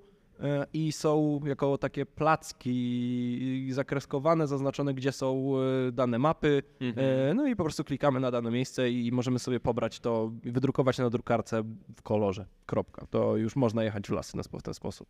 No cóż, no mam nadzieję, że w takim razie naszą rozmową e, tutaj Bartek zachęciłeś parę osób do tego, żeby e, no pójść w las, mówiąc prosto. Tak jest. Albo pojechać w las. Tak jest. No, jeszcze mogę tak, jeżeli tutaj zachęcam, no to mogę wtrącić, że e, no większość e, poza stroną związku, to większość e, zawodów, e, czy to w Warszawie, ale też e, w okolicy, jest na taka strona, nazywa się orienteeringwaw.pl i tam wrzucają są wszystkie jakieś treningi, nie treningi e, i no szczególnie w okolicach Warszawy jest tego naprawdę sporo, więc e, gdzieś tam przy niewielkim dojeździe samochodem na przykład można sobie e, bez problemu wystartować i to nie ma co tak, tu nie ma takiej magii słowa zawody, że my musimy stanąć cali opięci y, lajkrą w, po dużej rozgrzewce, zjeść trzy żele w trakcie i tak dalej. Nie, nie, to mm, Noga nie musi być gładka. absolutnie, to, O to ja mogę. można, można, ja ostatnio wziąłem moją dziewczynę, znaczy ostatnio, no w zeszłym roku, ale wziąłem moją dziewczynę, która nie ma nic wspólnego z orientacją i z takim sportem wyczynowym, na to, żeby ona sobie po prostu wzięła tę mapę i poszła sobie tak szybkim tempem, e, szyb, szybkim tempem, ale y, pieszo po prostu w las tak na przejażdżkę, znaczy przejażdżkę, na przejście się, tak? Mhm. I ona po prostu wzięła sobie tę mapę i poszła sobie na spacer. I to jest dosyć fajne, jako taki nadanie kierunku i sensu spacerom. Nawet, nie wiem, z psem. Bo w sumie całkiem sporo ludzi, jak mo- jeżeli ma takiego psa, że nie boi się go puścić. Wiem, że tak się nie powinno robić, ale jak ktoś ma mm, yy, dobrze wytresowanego tego psa, że on nie jest na smyczy takiej, tylko biegnie gdzieś tam koło nogi, no to ludzie też biegają właśnie z psami, no bo to jest fajne jako takie nie, że robimy jakąś bezsensowną pętlę wokół domu, Mhm. tylko no, idziemy sobie zaliczyć punkty kontrolne i to nadaje jakiś e, cel i misję naszej, e, naszemu niedzielnemu spacerowi. Emisja odcinka dosłownie za chwilę, e, bo nagrywamy w przeddzień premiery. Zaczynają się ferie mazowieckie, nie tylko mazowieckie, ale, ale też dolnośląskie i w kilku regionach. Ferie będą trwały do końca lutego, więc namawiamy do tego do aktywności. Jeśli ktoś szuka pomysłu na spędzenie jakiegoś dnia, tych e, pewnie map, e, tych zielonych punktów jest trochę więcej w, w Polsce, Tak, e, więc e, zaglądajcie tam i ruszajcie. dokładnie, zapraszam. Paweł, może powinniśmy rzucić jakąś deklarację. Rząśnik mamy odhaczony, to może spróbować właśnie orientacji. Kto wie, zapraszam kto wie. serdecznie. y, No, zostawię wam panowie mapy, to będziecie mogli sobie w dowolnym momencie. Ja tam widzę ten napis Trentino, to chętnie sprawdzę. Bartek, bardzo dziękujemy Ci za e, przyjechanie tutaj do reakcji łańcuchowej, za poświęcony czas, e, za e, opowiedzenie i wytłumaczenie, czym się je orientację. Mam nadzieję, że parę osób zachęciliśmy, bo brzmi to naprawdę ciekawie i nie jest aż tak wymagający. Ten próg wejścia jest po prostu minimalny. Po prostu trzeba wyjść z domu.